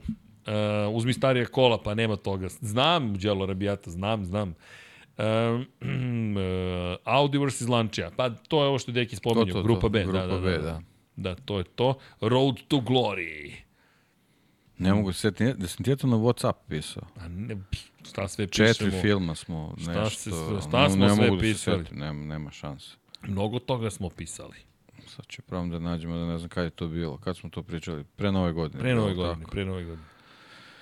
Čekaj, Ajde, vrti, ima da vrtiš i da vrtiš i da vrtiš i da vrtiš i da vrtiš i da vrši i vrtiš i vrtiš. Dobro. Bilo je ovo, Paja Deki, Vanja Jimmy Srki. Kako? Paja Deki, Vanja Jimmy Srki. Pred novogodišnjim Šta podcast. smo to radili? Paja, Deckije, Vanja, Jimmy Srckije. Sećaš se kako se neće. E, dobro, sledeće. Da. Moraš da otkrivaš sve. Ali dobro, e, bilo je zabavno za novu Pa godinu. jeste. Baš je bilo zabavno. Bilo lepo družiti se. Dobro, e, ljudi, ako nemate nikakva pitanja, da polako se pozdravljamo. Ići će Aldegir u GP klasu, uzmeli titulu, eto ga. Pa da, koliko Pa uzme svakog uzme titulu, eto ga. Otvaraju se, otvaraju se tu vrata svakako. Kaže Andrej Božo, a Kosta ima ono nešto, harizmu, što bi rekli ljudi. Ima nešto u sebi, ali nije, nije, samo, nije, nije samo zbog toga. Na vozačkom nivou, trkačkom nivou, a Kosta ima, ima dar. Zaista ima dar. I vredanje. Nije neozbiljno. Ima zanimljive izjave, kao da iz nekog starog kalupa izašao, te njegove izjave da su generalno vozači previše ljubazni jedni prema drugima. to, to mi je ta ona izjava sa testa u Valenciji i kako otprilike tu malo više vatre treba da bude. Ajde, vidjet ćemo ga sad kad je stigu među Ajkule. Kako će da se snađe, pošto je on sam. Ajkula. Da. Deki, pazi, Srki. za 7 dana, to je 16 i još neće stići prvi motocikli, ali dobro, već za dve nedelje imaćemo, već, smo, već ćemo da zagazimo u sezonu, imaćemo polako i testove, bit će svega. Dobro, ljudi, ovo je bilo 379. Hvala Boško za korekciju. 375. broj mi je ostao u, naslovu. 379. izdanje je Lab 76. E, Boris Trutin, podsjetnik. Boris se javi, ćuti se, nemoj ništa da brineš, ne ignorišem te, niti mogu da te ignorišem, niti želim, ali javljam ti se, evo, ujutru se čujemo, može tako. I kaže, ima neki gost za Moto Grand Prix? Pa, možda će nešto i, ne- neki ljudi i biti. Vidjet ćemo, u svakom slučaju, ako imate ideju, zašto... E da, kaže Dragan Matić, ništa od Dakara, to je trenutno najživlju auto u motosportu. Deki, jesi uspeo da ispratiš Dakar? Makar malo. Pa malo nekako automobile sam onako ovlaš samo pogledao vidim da ovaj Audi Toyota Pro Drive sa po dva automobila su tu matorci su tu u vrhu vidim i Sainz i Loeb Peter Hansel je tu ovaj tu su nešto 25 minuta su svi to sam video ali onako samo sam ovlaš pogledao nisam nisam baš ovaj dublje pratio E, priznajem da, da nisam bio toliko vredan. Ono što mogu da vam kažem jeste samo da sam pratio rezultate konkretno, ajde da vam obećamo za sledeću nedelju da ćemo biti bolje pripremljeni za Dakar. Činjenica, jesmo ga spomenuli, najavili, rekli da se događa. Nisam, moram priznati, ispratio to kako, kako bih želeli, kako bi trebalo. Pozdrav za Juraja Šeblja koji vozi, koliko se vidio Jura se fura. Jura se vozi fura, dalje, da, da, da, vozi, da, da, vozi. tu je, vidim nešto je dimio ovih dana malo, pa je povredio ručicu, nešto ide neke flastere Jeste, stavlja, ali jeste, dobro je, dobro je. Dobri drži su, se. ne, nastavljaju da se bore. Pa znaš Da. šta je uradio? Ne, zapravo nije prebacio na 4 puta 4 nego je samo koristio pogon na zadnje točkove, a kada se probijate kroz pesak i koji vam pruža ozbiljan otpor, sam je rekao, vozačka greška. Jednostavno nisam, nisam po- pokrenuo pogon na sve točkove i kroz pesak udarnički na pos pogonom na zadnje točkove i kaže držim brzinu i sve odjednom vidim da raste temperatura ne, ne, ceo nov motor su morali da, da, da mu daju ma, malo ma, ma, Nema veze, ostali samo je, dugmići Tu je i dalje. spavio ga 16. Đeki 17. u klasi, jeste. Samo Super. lagano, samo do cilja. samo do cilja Jure ispratite Fura i do cilja. Da, i nadamo se da će nam doći u Lab 76, ne mogu da vam obećam, to, to, to zavisi pre svega od njegovih obaveza, želje. Želju izrazio da i svakako ima, ali voleli bismo da nam bude tu, da nam ispriča svoju avanturu, da ga upoznamo. Čovjek koga vredi pratiti, ispratite njegove medije, digitalne, analogne, koje god, prosto podrška za sve koji promovišu i bave se automotosportom na ovim prostorima, pa i šire. Stvarno je, stvarno je lepo videti ga da učestvuje u Dakaru. A, A, bre, Brad Pitt, šta bre? film, Koji film? Formula 1, bre. A, da, Formula To, 1 film, Evo, Brad našao Pitt. sam. Da, da, da, da, da. da. Ferrari, Race for Glory. Zapravo najveći, najzvučniji film smo zaboravili. A da, ali on nešto neće sad da bude skoro, njega ćemo morati da ostavimo za kasnije. Da, za kasnije. Ali ovi su navodno sad. U januaru su i Ferrari, i Race for Glory, Bron je već tu, tako da kad se pojave ova dva možemo da spakujemo sve u jedan. Čekaj. A Breda ćemo da sačekamo kad, kad završi celu priču. Čekaj, jedno pitanje, a to je sledeće pitanje. Da li znaš, da li znate, da li je Brad Pitt glumio u Deadpoolu 2? Hmm? I znaš da glumi? I scena mu traje 25 milisekundi. Kad ga bace na dalekovod i spale. Inače, režiser tog filma je njegov bivši kaskader s kojim je radio na... Na kom filmu su beše radili... Ne mogu... Fight Club mislim da su radili zajedno. Da, mislim da je... Da, mislim da je bio u Fight Clubu. Da, kako god. U svakom slučaju, Deadpool 2 glumi, glumi Brad Pitt. Prema njegov rečima najlakša uloga koju je ikad imao, pošto je trajala bukvalno 5 minuta. Inače što sam smeja, iza njega je plavi ekran, ovde su žice, ovako, glumi dalekovod i on ovako padne. I to je cela uloga. Ali dobro. Nisam oduševio Dekina. Mada se vlada nasmeo. Makar neko u studiju. Da, 50%, 50% uspešnosti mojih šala. E, da, bit će gostiju, evo, Jelena, Vlada, Džanki, to, to, jesu to gosti, to, to, to, to, to je uobičajena ekipa. Kada će Drive to Survive? E, ne znam kada će. Ja kaže Marko, pojavio se na jedan sekund nevidljivi, predobra scena. Da, da, on glumi nevidljivog, a to je jako. Što on padne na daleko ovdje, onda ga vidimo. I pitali su ga koliko je bilo teško, kaže, baš. da, vidim su napravili haos sa Deadpoolom 3, pošto potpuštaju celu ekipu Ryan Reynolds, pošto su ključne scene koje je trebalo da ljudi vide na, za vreme filma su, su mu pustili, optužio Disney, navodno da su pustili namerno fotografije sa seta kako bi povećali interesovanje za Deadpoolom 3. Ali dobro. Inače, Disney, moram da ih kritikujem koliko god da ih hvalim, napraviše dokumentarac o Bron Grand Prix-u da ne znaš da postoji taj dokumentarac, nigde ga ne bi našao. Dakle, vrteo sam po Disney Plusu sve, ne bili našao, nema šanse. Znaš, da vidim gde su ga stavili kao promociju, kao nešto što je bitno. U momentu kada je ultra popularna Formula 1, nigde. Nigde, nigde Bron Grand Prix.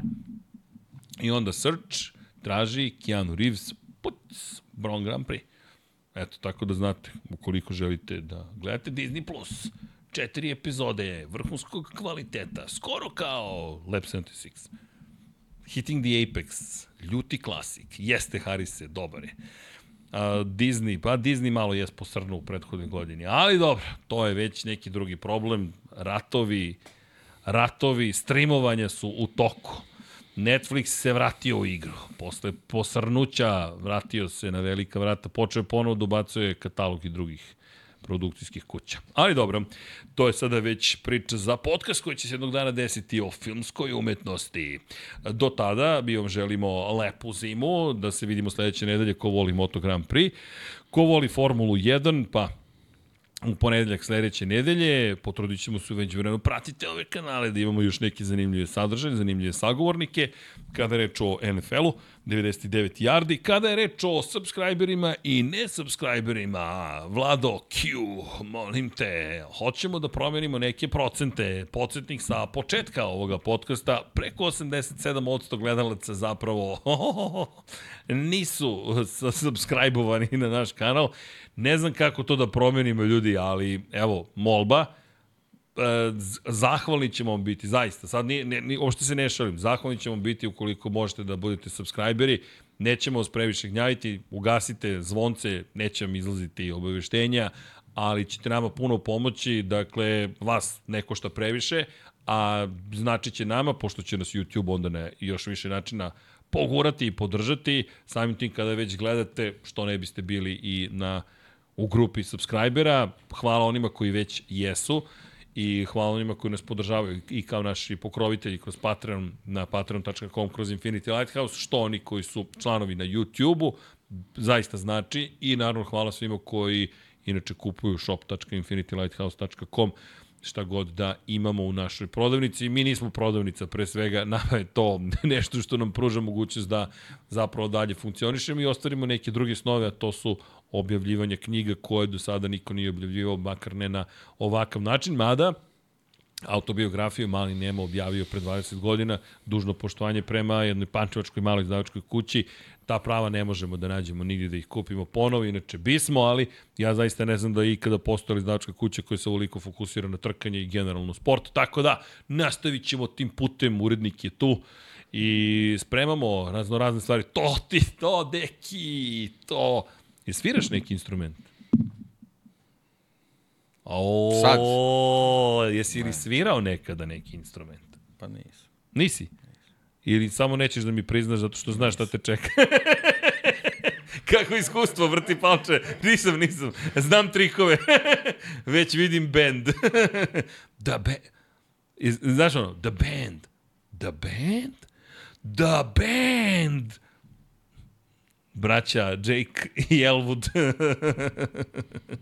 I Elwood Blues. Neka, jel tako beš? Imaju istetovirano preko, preko obe šanke. E, ok, počeo sam da, da odlazim u neku drugu stranu, hemisferu. Ljudi, šaljamo vam puno pozdrava, mazite se pazite se, vozite računa jedni u drugima. Hvala svima za svu podršku tokom svih ovih godina i druženje. Tek stiže sezona, drugari, a vesti ima, svašta se dešava I kada govorimo o Dakaru, evo, ostajem dužan za sledeći put, bit ću spremniji. Tako da znate, a kada je reč o večerašnjoj emisiji, pa ostajem da kažemo i imenom i prezimenom hvala svima onima koji nas podržavaju. Vidjet ćemo podcast pod kamerom, ispred kamere ili iza kamere ili u oku kamere. Eye of the Tiger. Aleksandar Drid kaže CC, što CC? Recite nam, je to carbon copy ili smo bili ili nešto nismo učinili što je trebalo. CC DeVille. ili kubikaža kubični centimetri, cubic centimeters. E, šaljemo pozdrave, pišite komentare, još uvijek smo tu, ispratit ćemo ih, naravno vraćamo se za 10 minuta, koliko nam treba da pročitamo imena svih pokrovitelja. Umeđu vremenu, Deki, što da ti kažem, hvala ti još jednom. Kao, hvala tebi, Srki. Kao i uvek, hvala Vlado, hvala ljudi, like, share and subscribe i krećemo u akciju zahvaljivanja. Hvala, Nenad Đorđević, Branimir Rijevec, Milan, Jelena Veljković, Katarina, Jelena Mak, Optimistic, Josh Allen Fan, Ivan Panajotović, Branimir Petronijević, Nedim, Stefan Lešnjak, Petar Nujić, Simović, Sarajevo, Đorđijelo Pušina, Jovan Đodan, Stefan Radosavljević, Mlađan Antić, Ljubo Đurović, Ivan Rečević, klub štovatelja Ramona Mireza, Petar Relić, Šefko Ćehić, Benjo KK, Nenad Pantelić, Marko Radanović, Mirina Živković, Marko Kostić, Vladidov Dave, Strahinja Blagojević, Milan Nešković, Marko Horg, Igor Gašparević, Ružica Stefanović, Nemanja, Daniel Kolobarić, Stevan Zekanović, Bojan Bogdanović, Milan Ristić, Boris Gvozden, Grgo Živaljić, Vladimir Petković, Ivan Maja Stanković,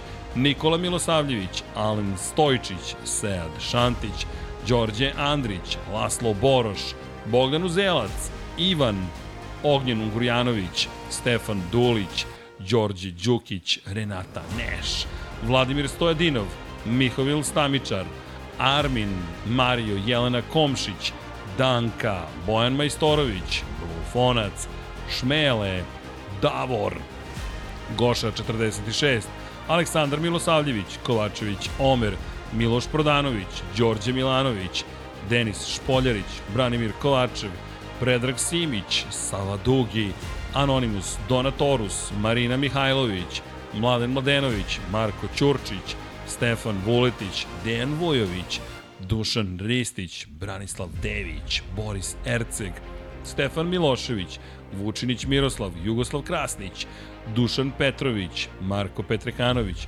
Vukašin Jekić, Ivica, Luka Martinović, Zoran Baka, Tijana Vidanović, Crnogorski Džedaj, Miloš Rašić, Džigi Bao, Dorijan Kablar, Bojan, Marin Antunović, Mario Vidović, Marko Mostarac, Salim Okanović, Ognjen Grgur, Kosta Ivanov, Darko Trajković, Deus Nikola, Bojan, Bojana Zrnić, Admir Dedović, Nemanja Jeremić, Zoran Cimeša, Srđan Sivić, Vukašin Vučenović, Marko Marković, Branislav Marković, Danijela Ilić, Đole QB4, Damljan Veljanovski, Monika Erceg, Luka, Jelena Jeremić, Alin Vuletić, Dimitar Vasilev, Životić Jovan, Zoran Šalamun, Marko Blagojević, Nebojša Živanović, Tijana M, Luka Savović, Đerman, Đorž, Nikola Marinković,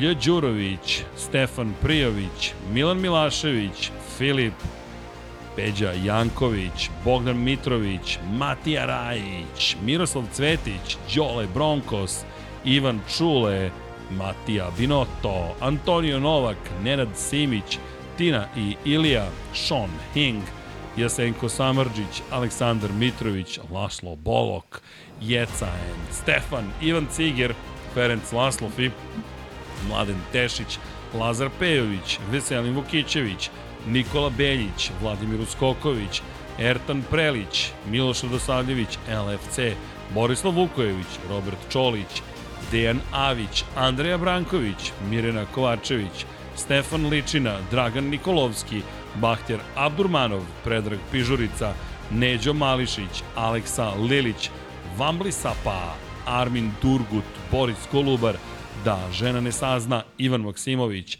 Živojin Petković, Stefan Janković, Luka Klaso, Toni Ruščić, Jugoslav Ilić, Nedo Lepanović, Ivan Milatović, Pavle Nj, Emir Mešić, Đurđica Martinović, Borko Božunović, Aleksa, Đorđe Radojević, Hrvoje Lovrić, Ljiljana Milutinović, Zorana Vidić, Vojin Kostić, Nemanja Miloradović, Nenad Ivić, Boris Radović, Klara Gašpar, Branislav Milošević, Aleksandar Čučković, Kimi Rajkonen, Igor Jankovski, Nedim Drljević, Branko Bisački, Stefan Vidić, Aleksandar Radivojša, Aleksandar, Inzulin 13, Andreja, Josip Kovačić, Aleksandar Antonović, Anonimus Donatorus, Nemanja Zagorac, Zoran Majdov, Bojan Markov, Boris Kujundžić, Kristijan Šestak, Amte Primorac, Stefan Stanković, Andrej Bicok,